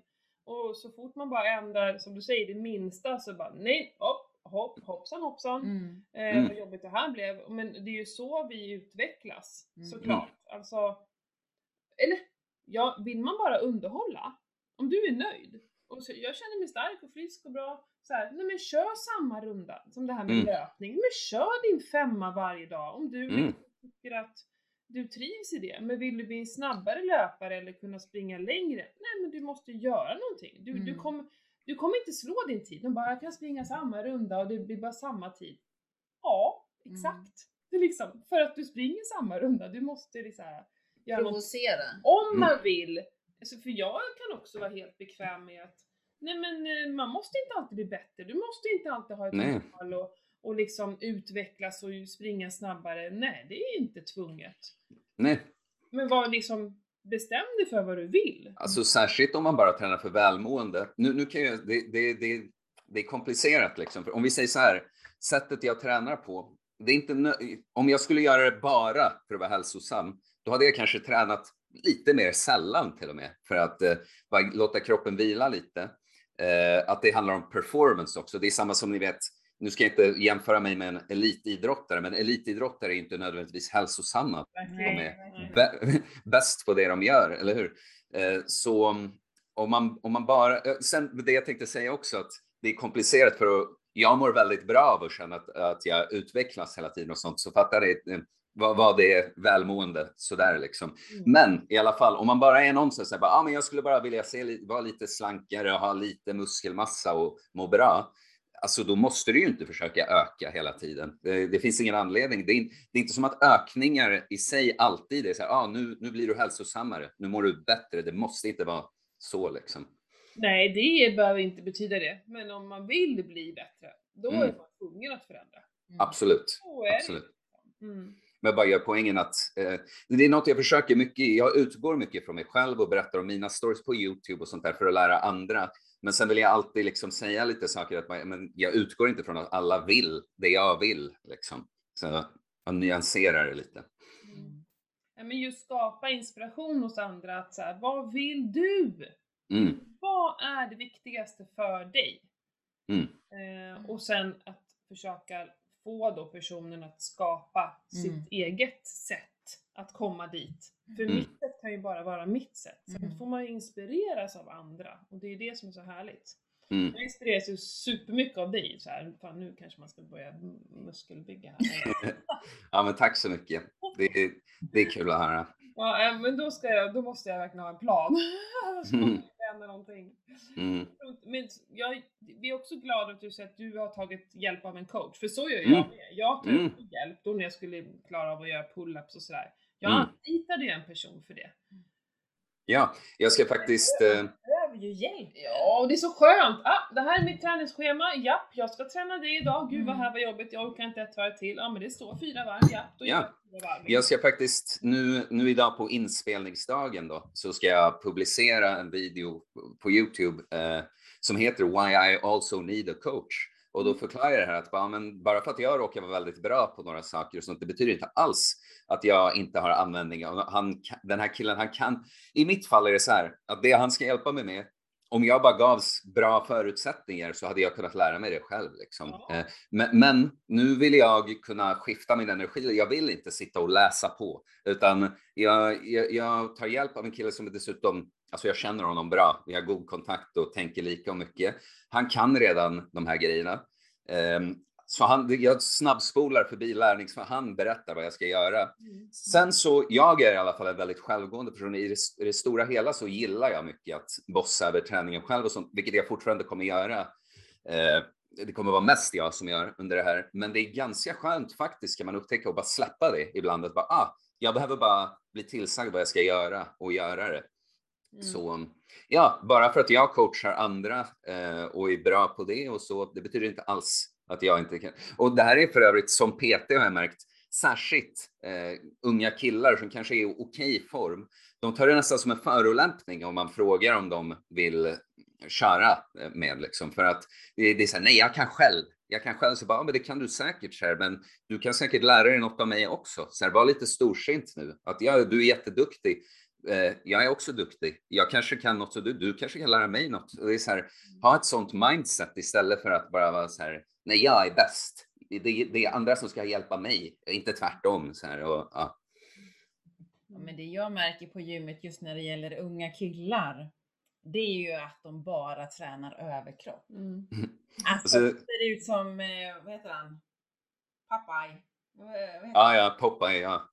Han, alltså, vad heter han då? Jag kommer ja. inte ihåg vad han heter. Karl Alfred eller Starka ja, Adolf? Ja. De tränar liksom bara mage och biceps och bröst liksom. Och så struntar de i rumpa och ben mm. liksom. Mm. Ja, alltså uh, lite rygg kan struntas med ibland också. Däremot, jag tycker den där klyschan är lite överdriven, men det finns, det är definitivt Ja. Det, det, det, är en typ som finns, absolut. Att det, det... Jag ser det på mitt gym, jag blir li, lika full i skratt varenda gång och jag har nästan olust att gå fram till dem och säga liksom snälla. Ja, ja. Symmetri tack. Nej, men man tränar beach body parts, det som syns här framifrån liksom. Um, men däremot, jag vill, eh, jag vill säga dock att det finns ju en hel del tjejer som bara tränar ben också. Ja. Sen så, man kommer, undan lite bättre, man kommer undan lite bättre med det, för i en squat och ett marklyft så kommer ändå ryggen vara hyfsat involverad. Så att kommer kanske undan lite bättre. Men det kan också se lite skumt ut med en tjej med, så här, med värsta benen och rumpan och sen ja. helt spikraka armar, inga axlar alls typ. Och, ja. Jag håller med om det. Det gör det ytterst märkligt det där med den där stora vältränade rumpan. Ja, men jag, man värdesätter inte att plocka in en coach eller en PT liksom. Alltså man tycker kanske liksom att det är inte värt pengarna och så tror man att man, ja men jag kollar på någon på Youtube eller på någon app eller vad det är. Nej men det är ju dyrt, jag fattar det. Många av mina kunder säger det, herregud så här, som har gått hos mig väldigt länge och tränat. Bara, det här borde jag ju klara av själv. Varför så här? Jag bara, ja men nu, nu slipper du hålla på och lägga energi på det. Mm. Så här, ja. Det är skönt att kunna komma hit och köra ett ordentligt pass. Liksom. Mm. Det som jag, jag kör inga pass som så är något speciellt specifika eller utan det kan ju vem som helst bara sitta runt och leta och det handlar ju inte om det. Nej, precis. Jag sitter inte på någon egen kunskap här, utan det är väldigt mm. basic. Nej, och det, det, är många som tror att så här, komma till en PT är bara så här, ja, nu kommer du till någon som kan tekniken perfekt och, så, och absolut, det är ju en del uh, av det kan det vara. Men mycket, det, det är någon som bara förstår vad du behöver göra och ser till att det blir gjort. Alltså många kunder kan ju vara så här, eh, att bara, ah, hade jag gjort det här själv hade jag stannat efter hälften av rättsen mm. eller Eh, sådär liksom. Så bara en kul grej jag vill säga, eh, för det du sa Pernilla om att folk inte värdesätter och fattar inte vad de kan få ut av en PT, typ, som, som kan vara bland annat de här sakerna. Finns typen som är tvärtom också, som tror att jag kan bara köpa mig fri från det här. Jag, eh, jag, och jag har haft flera onlinekunder som har ghostat mig, som man säger, som försvinner. Inte för att jag har gjort något fel och det har gått bra till en början. Det här har ofta varit dock ganska överviktiga personer och jag har upptäckt nu att de har ofta väldigt låg självkänsla. Eh, och då, då förstår, kan jag lägga ihop två och två att de har failat på något sätt, säkert gått och ätit massa skräp och så skäms de och så är det mycket lättare när man inser, oj då, jag, jag bara för att en coach hjälper mig och säger vad jag ska göra, eh, jag måste fortfarande göra det och så är det lättare att bara försvinna och glömma bort det än att ta ska och det är så synd för övrigt för att ofta så är det inte, det, det är förväntat att man ska göra misstag på vägen mot förbättring så de gånger jag faktiskt lyckas få tag på någon, då bara berättar jag liksom att men det är lugnt. Så här, ja, ja, du gjorde ett misstag, men kolla, du har gjort allt det här. Du ligger fortfarande, du är på väg. Eh, men många bara försvinner. Det gick inte bara att betala. Nej, jag tror att folk dömer sig väldigt, väldigt hårt istället för okej, okay, mm. du gör ett snedsteg. Okej, okay, nu ska jag resa mig igen för att du är inte en dålig person. Du bara hade en formsvacka eller någonting, vad man nu kan kalla det liksom. Ja, men alltså. Förändringar, alltså det Precis, är inte det tar ju tid. lätt. Mm. Det tar ju ja. verkligen tid att ändra och framförallt att få in en ny rutin om man nu är liksom inte van att träna. Så tar det ju en bra stund innan man har liksom ändrat mentalitet ja, ja. Eller mindset eller vad mm. man säger. Liksom. Ja, men för i början så kan du inte lägga ihop två och två. Alltså rent, du kan veta allt, vi människor, vi kan förstå liksom ibland rent logiskt informationen, men vi kan liksom inte se det ordentligt. Att om vi säger du är nu i jättedålig form, du går och tar några första gympass, det är asjobbigt medan du är inte van vid att göra det här. Du har träningsmärke i många dagar mm. och sen du kollar i spegeln och bara, jag är fortfarande ett fetto. så här. Eh, och, och, och du, du, har liksom inte fått, men när du kommer tillräckligt långt och du kan märka det här svaret, eh, och du kan lägga ihop två och två, att bara, ah, det, det känns jobbigt just nu på gymmet och ibland så gör det lite ont i kroppen efteråt och sånt. Men det är det här som på det stora hela får mig att må så bra och får mig att se ut så här eller vad du nu vill.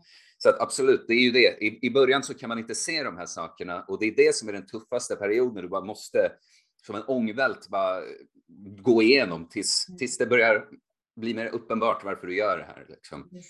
Jag brukar säga att man ska sätta upp så här små delmål, liksom, eh, ändå en rimlig tid framåt i tiden, liksom, just bara för att när man väl börjar med, att komma till att man har bestämt sig att man ska ändra livsstil liksom. Mm. Många vill ju liksom att det ska vara en quick fix, ja. liksom, att det ska ta ja, ja, självklart. månader liksom.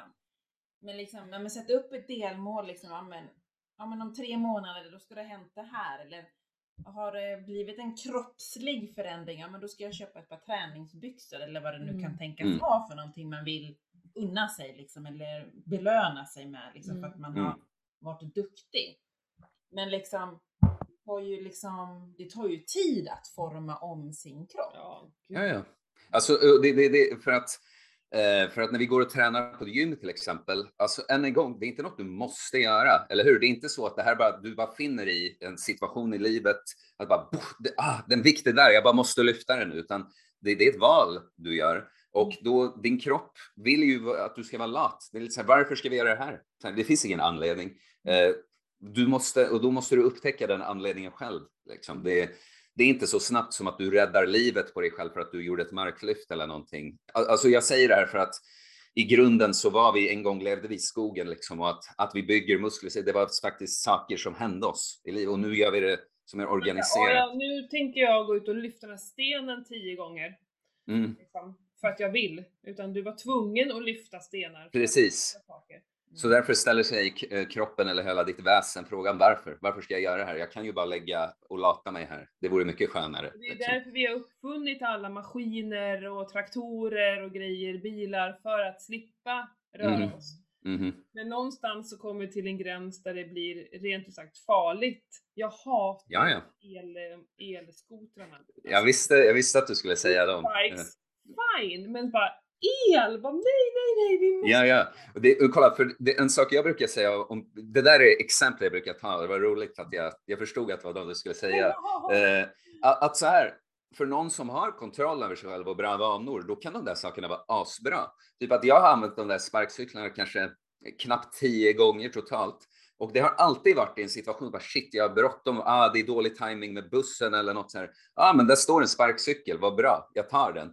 Men ofta det blir bara att sådana som, ja men jag tänker på en kompis direkt som han är ganska stor och lat eh, och eh, han, eh, för honom är det så här bara, ah det finns sparkcyklar, nu behöver jag inte gå någonstans längre. Det, det, och, så att det är det, har man allt sitt i ordning, då kan den här teknologin vara alltså en gåva, något väldigt bra liksom. Men för många så blir det bara ja, en belastning, en, en drog, en, ja, för mycket bekvämlighet igen. Ja, Ja, precis, precis, så är det. Ja. Nej, men eh, kul. Jag tänk, vi måste prata om fasta. Ja, absolut. Det var, vi började prata om så mycket annat kul. Ja, jag vet. mm. Men vi skulle kunna prata flera timmar, men vi kan Ja. inte. Folk vill lyssna på oss i flera timmar. Nej, nej. Oh, Vi skulle kunna göra det här till två avsnitt. Mm. Nej, men det är superintressant. Eh, fastan. Vi har ju redan snackat om våran fasta, men Mm. eh, berätta bara om din långfasta. För det är alltid kul att höra hur andra har mått i en sån här långfasta. Mm. Kan ju säga för den som är intresserad, jag dokumenterade varenda dag på min Youtube-kanal. Eh, och jag, jag försökte vara så ärlig som möjligt med om, något, om jag mådde sämre på något sätt. Att jag har liksom inget intresse av att bara låtsas att fasta är bättre än det är. Även om jag tycker det är väldigt bra såklart. Men Jag berätta vad, vad, vad Mm. nu när vi ändå Mm, pratar om mm, självklart. Självklart. Eh, eller, eller vänta, vad sa Jag, du tänk, exakt? jag tänker på din Youtube-kanal, vad heter Ja. den? Ja, ja, den heter Uncommon Sense. Hette Osunt Förnuft. Eh, tyckte bättre om det namnet, men det blev snabbt en internationell publik, så det är helt okej eh, också. Uncommon Sense. Och där pratar Eh. du på engelska då? Också? Mm, mm, precis. Um, nej, men så här, anledningen till att jag gjorde fastan var mycket eh, en, jag skulle, kunna prata så länge om det, men en stor grej för mig med pasta som jag inte hade anat är den mentala effekten. Att ehm, som jag ser det, än en gång när vi pratar om det här med sparkcyklar och allt det där, att vi, vi är vana vid att det mest basala i livet, det viktigaste är taken care of, liksom att eh, tak över huvudet, mat, bekvämlighet, värme, liksom det, de flesta av oss har kunnat ta det för givet och då finns det utrymme för att oroa sig över en massa andra mindre viktiga saker egentligen och kanske ibland rent abstrakta saker. Och, eh, ja, alltså säga att folk får så här konstiga, lite små sociala fobier. Man ser någon människa som man känner igen och bara, ah, borde jag säga hej? Ah, sådana här konstiga grejer. När man fastar så, när man tar bort mat, det är väldigt svårt att bry sig om de här små, ja, andra grejerna. Så att jag mycket, särskilt med att gå en längre tid, var, jag, vill, eh, jag har haft en stressig tid och jag, ser, jag har varit med om det här förut med fasta, att när man går in i den, det är som att du blir tvingad att bara ryckas ur eh, ditt perspektiv och sen kommer du tillbaka och kan se på allt med lite nya ögon. Liksom. Så det var en stor anledning till att jag gjorde det här, förutom bara självutveckling. Jag hade aldrig gjort det så långt förut. Hur jag mådde under fastan, alltså jag är ju så e-, erfaren med det här så att jag förväntade mig typ att må bra under större tiden, vilket jag gjorde. Det var på dag fyra så hade jag sovit rätt dåligt och det var den värsta dagen. Så jag säger. I början av dagen så kände jag mig rätt hungrig och illamående och, och jag kände mig liksom lite grinig, inte nödvändigtvis att jag blev arg på folk, men jag hade inget tålamod. Att det var lite så här när någon pratade lite så bara, ja men kom till saken, skippa det där. Och, att, eh, och, så var jag, och, och så blev jag lite hungrig och illamående på kvällen. Men för att det var en lite jobbigare dag sov jag väldigt bra sen och sen mådde jag jättebra under hela. Det, det enda är, vet, kroppen försöker preservera energi. Man finner sig i att man går rätt långsamt. Eh, så här, och, och om jag typ tappar något på marken, så här, behöver jag inte det nu, så bara, ah, men jag tar upp det när jag behöver, jag tar inte upp det nu. Eh, samtidigt som man är extremt klar och närvarande i huvudet. Att det, det är som att du bara nu opererar, eh, är det ens ett ord, men använder en långs, lite seg eh, maskin. Du är klar i huvudet liksom. Nej, men, så bara hur jag mådde under den, jag, jag mådde väldigt bra under hela, jag gjorde grejer, jag var och tränade på gymmet varje dag, jag mötte folk, gjorde aktiviteter liksom. Ehm, så jag mådde toppen skulle jag säga.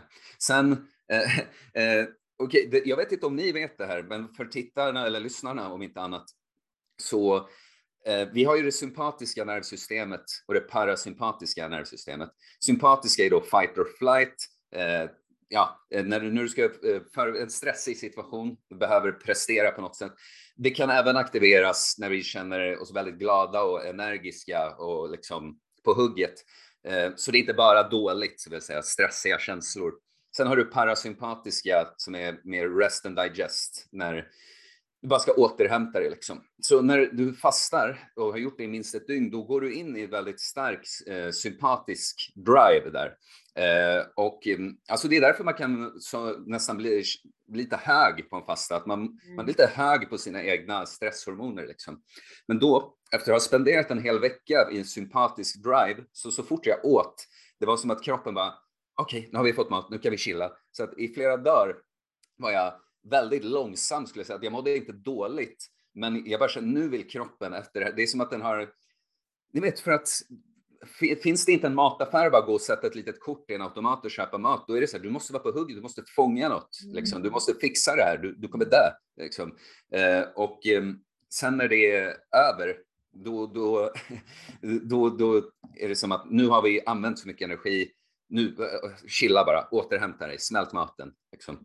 Så sen efter kanske en fem dagar av att bara känna mig lite långsam så, så känner jag, jag mår toppen. Eh, grymt bra, jag är väldigt glad att jag gjorde det där. Det, jag fick exakt effekten jag ville. Så. Ja, men där, nu har jag pratat tillräckligt. Du får komma in om du vill säga något. Bara, bara vatten? Eh, Eller hur? Mm, bra, jag glömmer att prata om de här sakerna ibland. Eh, svart kaffe. Det är de här frågorna vi får. Ja, ja, jag förstår det. Eh, nej, men svart kaffe, i och med att det är i, princip inga kalorier. Jag har druckit det förut och på fasta har alltid upplevt att jag får effekterna så.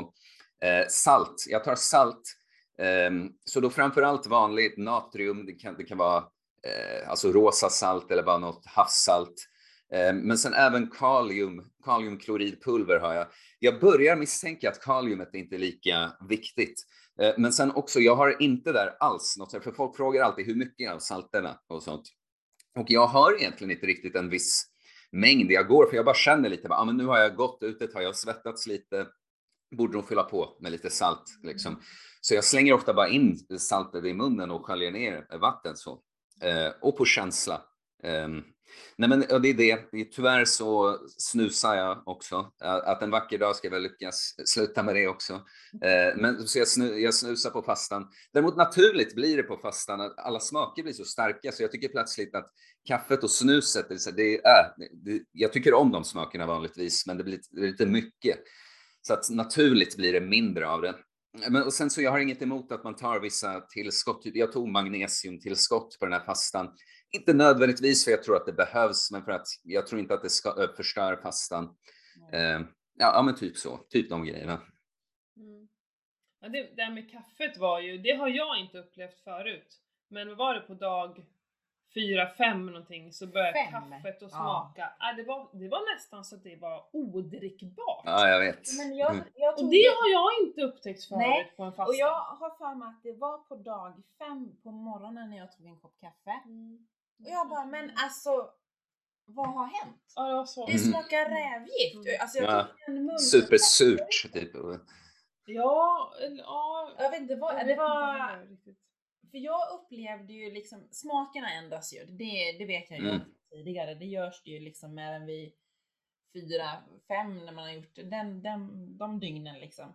Mm. Det jag upplevde nu med den här långa, det var att jag kände dofter. Ja då, absolut. Alltså på ett helt annat sätt. Alltså jag kunde känna liksom när Anders öppnade liksom en eh, sån 80% choklad och tog en bit och jag satt nere i vardagsrummet och jag bara Ja. Har du tagit en chokladbit?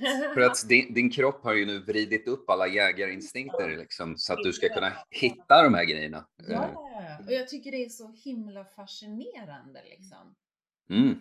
Jag tycker det är coolt. Självklart. Eh, där, alltså det, det, är så intressant alltihop. Men jag, som jag nämnde, jag var på en annan podcast nyligen. Det är så kul för den killen, vi, vi är väldigt lika, men han är liksom jag är väldigt praktisk. Att jag har listat ut många grejer liksom bara genom att pröva. Och han, han, det var så intressant för han, när jag berättade saker kunde han alltid förklara på ett väldigt bra sätt, det är det här som händer. Liksom. Mm. Och då om vi snackar smaker, att jag kanske slaktar lite förklaringen nu, men jag tror att man förstår ändå att när vi har utsatt oss särskilt för alla de här extrema smakerna med skräpmat eller väldigt mycket socker och si och sånt, um, vår, vår, baseline för hur vi upplever smaker är väldigt förvrängd nu. Liksom.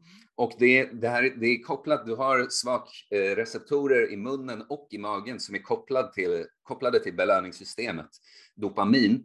Så att eh, det, det är också med fastan, jag förespråkar mycket att du kan återställa din relation till mat. Att ni, när vi upplever, nu pratade vi om att åh, kaffet blev äckligt, liksom. men kaffe är en viss smak, det är en bitter smak. Men däremot det blir samma effekt att plötsligt vanlig mat som många skulle kanske tycka är tråkigt, jag vet inte, lite fisk och potatis eller någonting. Plötsligt när du har liksom sänkt din baseline igen, återställt dina smakreceptorer och sånt, du, du har nu tillgång till saker i smaken som du inte hade innan. Liksom. Du upplever det på ett helt annat sätt. Mm.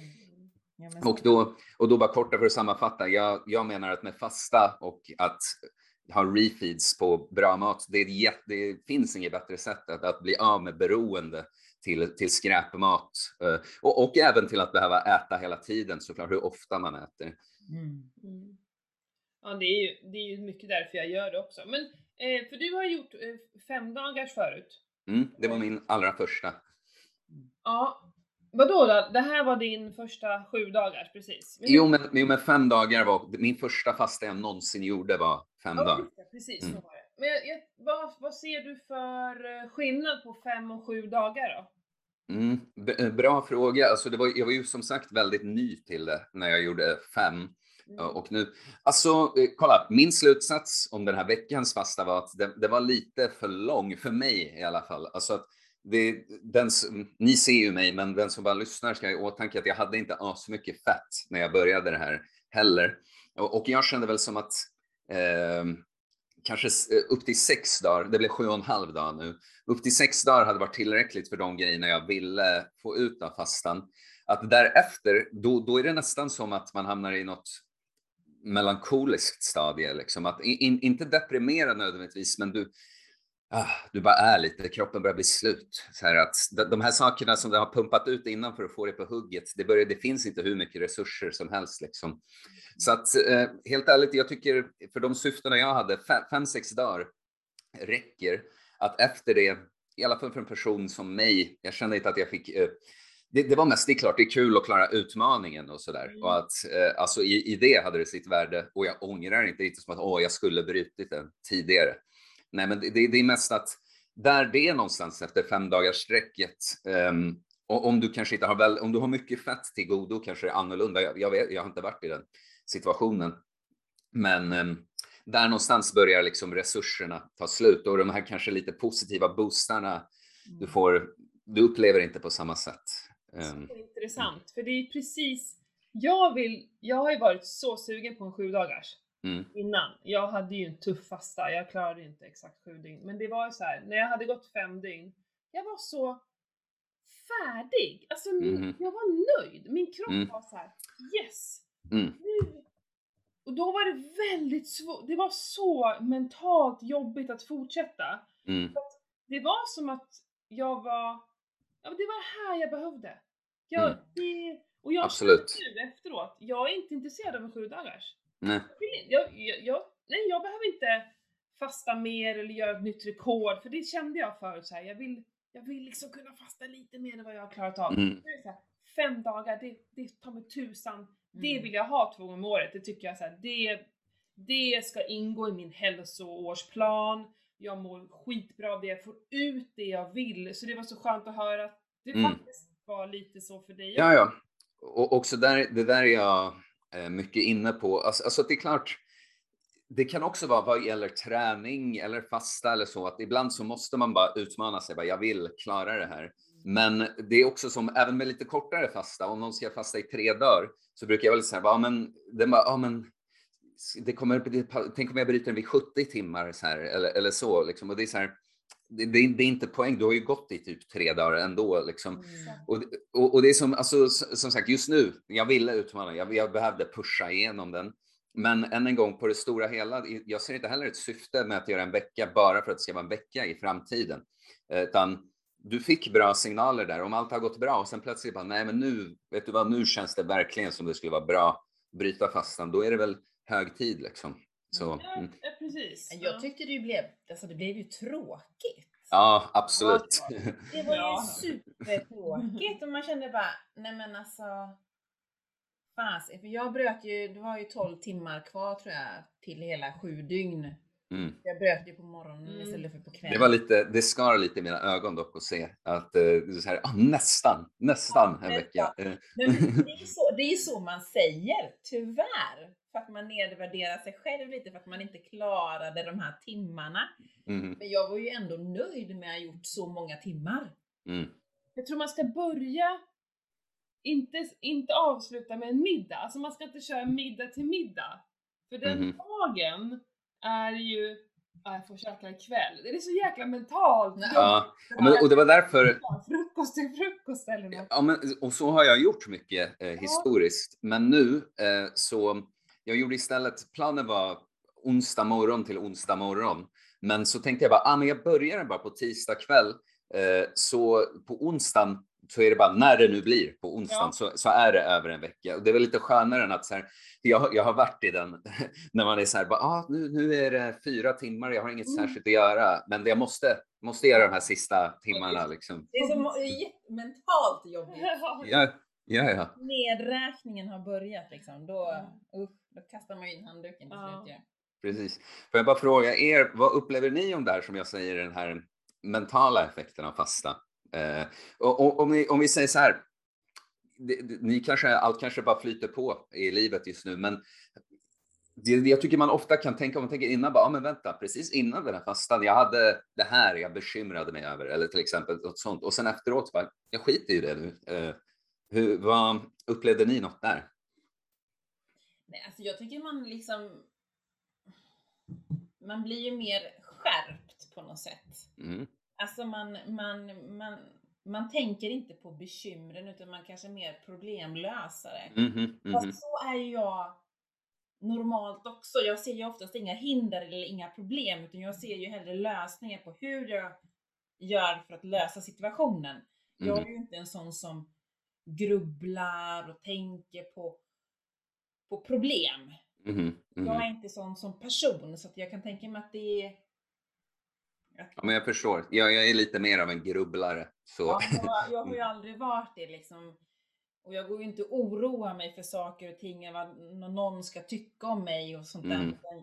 Nej, och, Jag och, ju- kör jag, mitt race liksom. Nej, men- och det jag bara just det, jag oroar mig inte så mycket över vad någon ska tycka om mig heller, men för att det är ganska vanligt nu att man tänker, vad tänker andra om mig och säger sånt. Och jag bara ger det som exempel, kanske för att inspirera någon lite som känner att, ah shit, jag har en del sånt. Så här att, ah, det skulle faktiskt kunna vara en anledning att testa fasta. Det är, det är många som inte tänker på. Nej. Nej men jag tycker man blir ju så, man blir så himla klar. Mm. Alltså i huvudet, alltså man blir Mm. så skärpt på något sätt. Men den här, för, ja, min fasta nu var ju så helt annorlunda mot vad jag brukar må. Mm. Eh, Men jag tror ju att jag hade mycket skit i kroppen som var tvungen att komma ut, som jag inte Mhm. haft förut. Eh, Så jag blev ju sjuk mitt i alltihopa. Och hormonerna blev ju bara totalt kaos. Så jag vet inte om jag ska jämföra den här fastan så mycket. Det var bara en mentalt eh, skit. De kan vara rätt olika. Alltså, jag, jag, har, jag har gjort, så fem dagar var den första, men sen har jag gjort 96 timmar så här, eh, typ en fem gånger och sen upp till 72 hur många gånger som helst. Men de, de 96, jag vet en var fantastisk. Alltså jag bara mådde to- toppen hela tiden. Liksom. En jag hade så tyckte jag den var svår nästan genom hela och den var nog efter den här som var bra. Liksom. Så ibland är det lite oklart också vad som, för jag kan inte liksom lägga ihop två och två och att bara, ah, det var nog därför, utan ibland är det tuffare. Liksom. Ja, och, och jag har ju avbrutit fastor för att det har, ja, det har blivit sånt jävla stresspåslag så att jag har inte kunnat hantera överhuvudtaget. Liksom, jag Mm. har avbrutit en fasta efter 10 timmar typ. Bara, Mhm. Det här kommer aldrig att gå. Jag går redan och tänker på mat. Liksom. Mhm. Och då har jag bara Mhm. lagt ner det. Eh, men sen mina senaste längre fastor har ju varit helt jäkla fantastiska. Ehm, men, men nu var det, det var jobbigt men jag fick aldrig det här, eh, det var aldrig jobbigt i, i huvudet, vad ska man säga? Det blev aldrig den här stressen som gjorde att jag mådde dåligt, utan det var Mm. som att min kropp, det fysiska bara inte funkade alls. Mhm. Mhm. Eh, som att skit var tvunget att komma ut. Det var så Mm. det kändes. Mm. Därför var det inte svårt att fortsätta. Nej, nej, det är det. Här, Mm. Det här behöver jag. Mm. Det här, alltså jag, det, jag Mm. kände hela min kropp. Och även efteråt så kände jag ju shit vad jag behövde det här. Det var så jävla skönt. Liksom. Mm. Så du tog den eh, tillfälliga obekvämligheten för att må bra sen istället? Mm. Ja, för, för att jag, jag, jag är så, jag, jag känner min kropp så bra så jag visste om att det här är ingen fara. Nej, Jag har precis. gjort fast och det jag har känt att här, det här är inte bra, det här mår jag inte bra av. Mm. Mm. Att jag kunde liksom känna skillnaden. Mm. Det är nyttigt att få göra på båda sätten. Och det där är en sån sak, än en gång, det är lite, kolla det är en liknande grej som jag sa hur man kan resonera med alkohol. Att så länge du vet, är du är, kan vara ärlig med dig själv och sånt. Att för att många, de hittar ursäkter med sånt här, du vet. Att bara, nej men jag, eh, många säger att de känner sin kropp när de inte gör det alls till exempel. I, I ditt fall Matilda så tror jag att du gör det och då, då tvärtom. Då skulle jag aldrig vara på att nej. Men det, det vi sa var att um, Ja, men om man faktiskt känner sin kropp, då, då, då, då kan man göra sånt som ofta är ursäkter för folk kan faktiskt vara ett rätt beslut. Att om du bara känner, men vänta nu, det är faktiskt inte bra. Jag bryter inte fastan för att jag har svag viljestyrka och inbillar mig, hittar ursäkter. Jag bryter den faktiskt för att det är, det är bra, det är rätt sak att göra nu. Ja. Det var inte idag jag skulle fasta. Mm. Nej, men precis, precis. Och, så, och, det, och det, jag, jag, har inte fastat sen, alltså en lång fasta sen vi gjorde det i augusti eller september förra året. Nej, men precis. För det, jag har, liksom, det har inte funkat i mitt liv. Jag har inte varit, eh, jag vet inte, det har bara inte varit läge. Mm. Men sen har jag gått då på slutet nu så här, äh, men nu, nu, och liksom gått och funderat och jag bestämde det en månad innan och började så här mentalt läng, alltså jag mm. längtade efter fastan. Ja, Um, så att, uh, men jag tror det är väldigt viktigt att lyssna på kroppen, att inte vara, alltså det får inte bli ett straff, det får Nej. inte bli Nej. liksom att du ska uthärda liksom. Ja, för jag vet inte, då blir det inte det hälsosamma som jag vill åt. Nej. Nej. Och sen, eh, det vill jag också säga dock till än en gång, de som lyssnar och inte har gjort det här, att i början lär du behöva uthärda. Eh, alltså det, det, det, är än en gång samma sak som när du inte är i form och går till gymmet och tränar. Du måste bara ut här. Det, ja, det känns inte bra nu. Eh, du, men eh, sen när du har kommit och har, som jag uttryckte det, en mer clean baseline, då kan du faktiskt, eh, då är det inte lika, alltså som sagt den här fastan för mig en vecka, jo men i slutet var det lite uthärda som jag, fan vad tråkigt det är. Ja, men, men, det är skillnad på uthärda och uthärda. Det får ja uthärda så att det, går, det blir eh, skadligt för dig. Nej. Nej. Jag sa till och med i början av en av videosen tidigt att om jag nu jag förväntar mig inte att det skulle hända, men skulle jag må sjukt dåligt, alltså då bryter jag den tidigt. Det är inte, inte totalt så här bara måste bara uthärda för att. Liksom. dåligt betyder, alltså mm. alltså för dig själv. Du vet mm. när du mm. mår riktigt dåligt. Men att bara stå så här, ja men jag, jag kör ganska mycket fastor nu, eller korta ätmönster nu på sommaren. Jag tycker det är asskönt att slippa mm. hålla på äta. Ah. Och, ja men typ vid 10-11 då kommer det så här litet hungersug. Åh, nu skulle jag verkligen vilja äta. Jag känner i hela kroppen så. Men då så här, äh, jag tar ett glas vatten, om en kvart har det lugnat sig. Jag vet mm. ju det. Precis. Jag, kommer inte dö, även om mitt hormon bara så här, ät nu, ät nu. Mm. Men jag kommer inte göra det. Nej jag ju uthärda lite. Mm. Ja.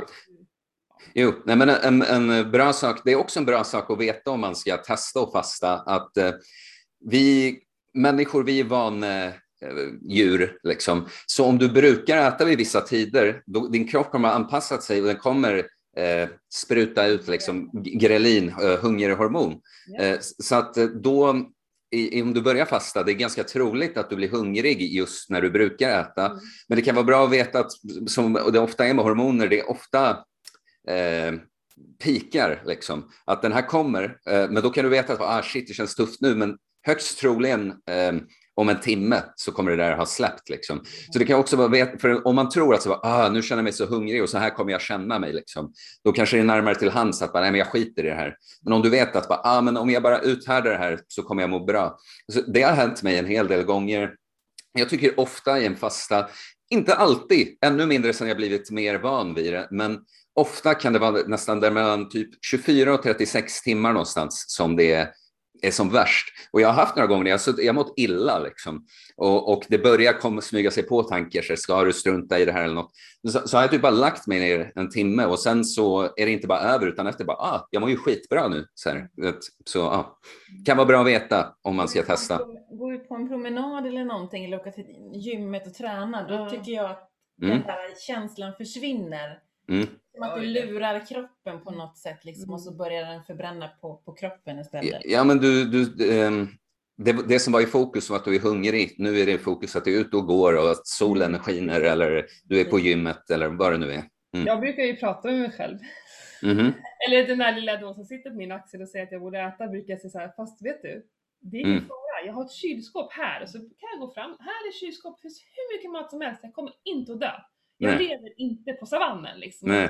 Jagar. Så det här är lugnt, du kan Mm. vara hungrig, ta det lugnt så här. Mm. tagga ner. Och Så det är ju, det- För då berättar, alltså, ja, av att jag nämner det högt så accepterar jag liksom så här, men också säger så här, det är lugnt, mm.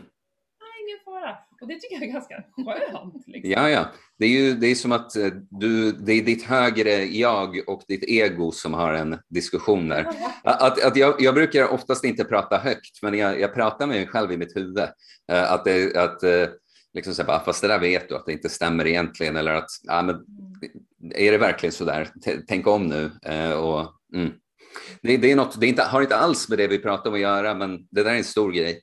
Eh, Att kunna identifiera sina tankar och inse eh, att det, bara för att du tänker något i ditt huvud betyder inte att det är sant. Liksom. Det, kunna, kunna steppa utanför det, se vad det är. Liksom. Är inte, vad ska man säga, på riktigt. Alltså, det säger känsla. åt dig, ja men det säger så här.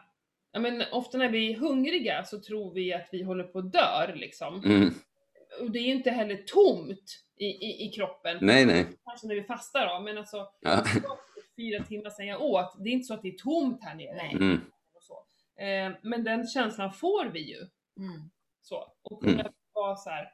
Det är bara en känsla, det är inte Mm. på riktigt. Liksom. En hormon är inte på riktigt. nej, men exakt. Det är en signal bara som pratar. Mm. För att vi ska såklart överleva någon gång. Det är ju samma sak där med kallbaden och så. Mm. så här, det är ju det som går igång, att det här är farligt, farligt, farligt, du kan frysa ihjäl. Men om Mm. jag då så här, börjar andas och istället berättar för kroppen att nej, det är ingen fara, jag har kontrollen. Ja, då slutar vi frysa. Liksom. Mm. Absolut. Mm. Men när du fastar sådär länge, fryser du då? Eh, ja, eh, eller alltså, du vet nu har det varit så fint väder och sånt så man blir inte direkt så här, men ja, man blir ju kallare. Det, det blir man. Eh, för att, vad är det? Jag tror att kroppen skickar det mesta blodet till runt ja, midjan, runt organen liksom och bränner fett där. Så att extremiterna, säger man så, blir mer kalla. Jo, absolut, man, man blir lite, det, det du, du har troligen lägre kroppstemperatur också under fastan. Ehm, men det, det, kan, det kan vara jobbigare på vintern, tycker jag, om man fastar. Mycket. Ja, Mm. jag, för jag, om man säger... Ja, men det var ju rätt varmt i höstas eller då i augusti när vi Mm. fastade. Mm. Men generellt så har jag gjort de här långa fastorna på vinterhalvåret. Mhm. Jag nu så här, men gud, alltså det var ju egentligen jättedumt för att jag fryser ju otroligt mycket när jag fastar. ja. Även när jag gör 24 timmars fasta så fryser jag ju jättemycket. Mhm. Det upplevde jag ändå nu när jag gjorde de här dygnen var ju att jag frös inte på samma sätt. Nej. Det var inte det här, äh, alltså jag frös inte in i benmärgen. Som jag, den känslan brukar jag ju ha annars när jag fastar liksom. Mhm. Så det var ju ändå... Ja, det var, det var så sätt var det behagligare att Ja. fasta när det var sommar än än Mm. Vintern. Men, Jag, jag älskar det. Alltså, jag gör ju, när jag spelar in videos och sånt också, jag går ju alltid ut utan tröja i solen och jag går runt så mycket. Och det är ju, många tror säkert att det är att man vill visa upp sig och sånt, men det, det är mycket för solen och skönt liksom. Mm. Eh, och det, ja, du vet, när jag tänker på sån här veckas fasta, jag tänker verkligen som en sorts behandling liksom, och jag vill maxa allt. Alltså jag bastar ju nästan varje dag under fastan också, kallduschar, eh, ute i solen, gå och bada, vara i naturen. Jag ser det här som alla, det, här, det är istället för att ta något tillskott eller något ni vet, det här, all, allt det här är, ja, vad ska man säga, eh, delar av någon sorts kur. Mm. Mm. Ja, jag kallduschade också under hela Mm. eh, fastan. Eh, ja. Det var, det var, jag ville komma igång och så hade jag börjat några dagar innan, det var ju väldigt märkligt. Eh, men, eh, men det ska jag säga att det har ju blivit, det har blivit en vana. Jag kallduschar alltid. Jag eh, duschar knappt varmt längre. Det är Nej, sjukt! Jag Ja, har ja.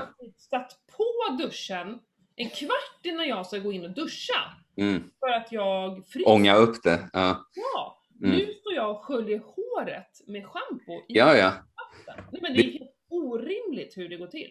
Ja, det är sjukt vilka, vilka gains man gör med det där också. Att, ehm, jag kommer ihåg när jag började med det, liksom, att, att det är ganska enkelt om man gillar att basta. Det är det enklaste situationen att kallduscha i, för då kan du sitta och grilla där så länge att du liksom längtar efter att bli svalkad.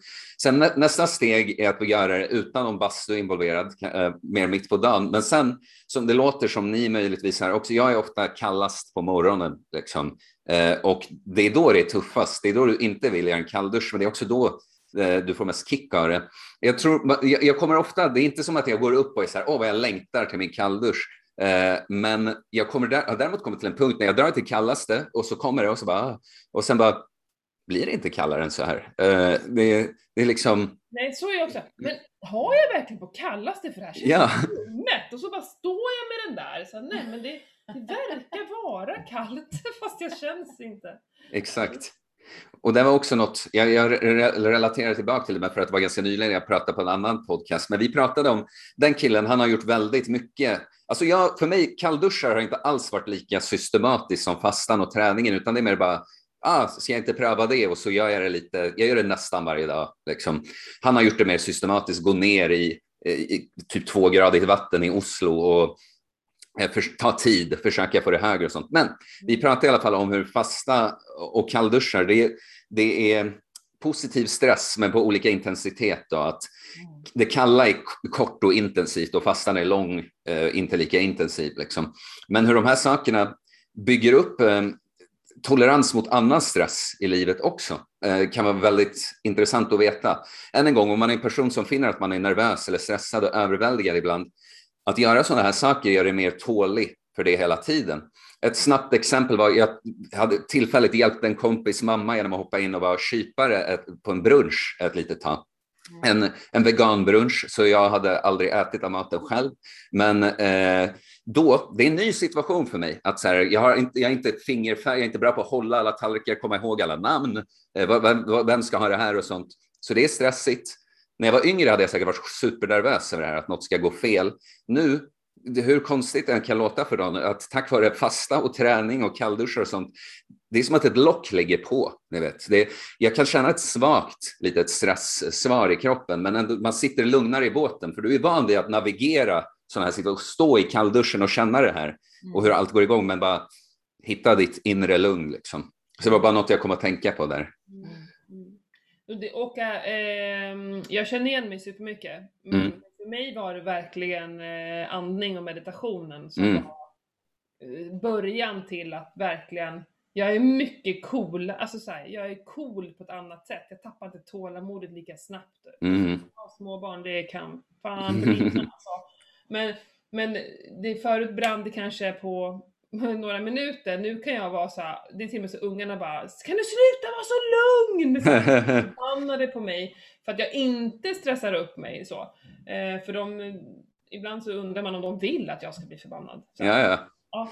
Eh, och jag känner så här, för det, ja, det är skitjobbigt att de tjatar men så här, ah, bry mig inte. Bry mig inte. Bli arg, typ så. Mm. Och det, det började med, alltså jag började med djupandas och sen har det blivit min dagliga meditation liksom. Mm. Grymt. Eh, och det är också, ett, det är, man, det är ju samma sak man gör i en Mm. meditationsandning, att jag tar kontrollen över liksom, Ja, in i det parasympatiska läget. Yes. Mm. Ja, där är ju, eh, när man mediterar, då kan ju nästan det vara som att det här obehaget, om vi säger, som att i kallduschen är obehaget den kalla Mm. känslan. Liksom. Eh, när man mediterar kan ju nästan obehaget vara ens känslor och tankar, att verkligen behöva titta på dem, inte fly från dem, liksom, utan bara sitta där och bara shit, vad jag, min kropp, jag känner mig stressad eller jag har den här grejen, jag oroar mig för något och istället för att förtränga det så bara sitter du med det där ett tag. Så det är också, det, det är faktiskt en sorts utsätta sig för stress på det sättet också. Ja, för det är, alltså det, och just i vårat samhälle vi har idag, att bara sitta och ha tråkigt, det är ingen som gör det, utan det är direkt en telefon upp. Mhm, mhm. Exakt. Och att vara ensam med sina tankar, Mm. det är fan ingen som har det längre. Folk lyssnar på saker, det är podcast och det är nu sommarpratarna, liksom folk kommer Mhm. höra det hela tiden. Jag kan bli ganska provocerad av det. Ehm, och jag kommer ihåg när jag bodde i Stockholm, så där, där ville jag vara provocerande, för jag stod på tunnelbanan, stod alltid upp, och så Mm. tittade tittar inte på telefonen, lyssnar inte på någonting. Och Nej. jag blir fan stressad av mig alltså. Eh, Hon bara, så här, vad gör hon? Hon bara står där och glor. Övervakar hon oss eller? Ja, nej men så här, ingen jag såg var bara i sig själv. Nej, nej. Som vi är liksom skapta för att vara. Och jag, och, och, och det, jag tycker det är fascinerande att man bara sitter och låter tankar bara få vara. Absolut. Eh, Jag tror det är farligt. Alltså jag är lite orolig för hur det är på väg. Ja, ja. Ja, ja. Alltså det är därför folk inte tänker så mycket själva nu utan bara tar emot. Eh, det insert, insert opinion here, liksom. Eh, för att du aldrig spenderar tid med bara dina egna tankar. Liksom. Och kolla, jag kan väl köpa att eh, du sitter på tunnelbanan och fördriver tiden med telefonen, men det är inte bara det, utan folk umgås med varann så här också. Ehm, nu, ja, jag, tänker inte på att lyssna, jag tittar i telefonen och pratar, det jag gör. Att folk sitter bredvid varandra. Alltså, jag, jag har en kompis, han vill alltid träffas. Alltid, han är helt sällskapssjuk, för han kan väl inte vara ensam med sina tankar som vi pratade om. Sen så sitter han ändå så ofta på luren och är helt inne, hör inte vad man säger. Det är så här, jag är bara ett, ett av flera av hans eh, stimulis som han liksom, ja, eh, vad heter det? Ja, men underhåller sig med, håller sig upptagen med. Liksom. Mm. Ja men det ser man ju på sonen liksom då. De umgås ju inte i- idag. Nej, Alltså de umgås ju via Snapchat och så är det Mm. någon annan grej de är på och snackar liksom med någon kamera liksom eller något och, Mm. och är i små rum liksom. Och, och Mm. snackar, liksom. Jag bara, men alltså han bor tre gator bort. Varför går du inte dit liksom? mm. Då tittar han på mig och han bara, nej men alltså nej. vadå? Han är ju här. Han är ju Ja, rakt framför mig. Och så kan vi ju snacka med de här också. Och de bor i Borås. Man bara, aha. Mm. Och där är ju där är en fine line, liksom, för att det är, det är något otroligt nice. Alltså jag har, för att jag lever en ganska alternativ livsstil, liksom, jag har fått, det är, det är svårt att hitta likasinnade personer. Och så jag har fått en del vänner på längre avstånd och jag är väldigt glad och tacksam över den möjligheten. Men man kan ju inte, man kan inte hamna i att det, det är så här man umgås. Liksom, att, eh, Precis. och det, det- är det, lite jag tycker då, liksom, dagens ungdomar då egentligen som hänger framför en skärm. ja, De här sociala spelreglerna, alltså hur man umgås, vad man säger och vad man inte säger. mhm. Alltså, Jag menar, och bara attityd. Alltså, Ja. jag, jag, än en gång, jobbar på ett gym. Eh, Jag är 28, om vi inte har sagt det.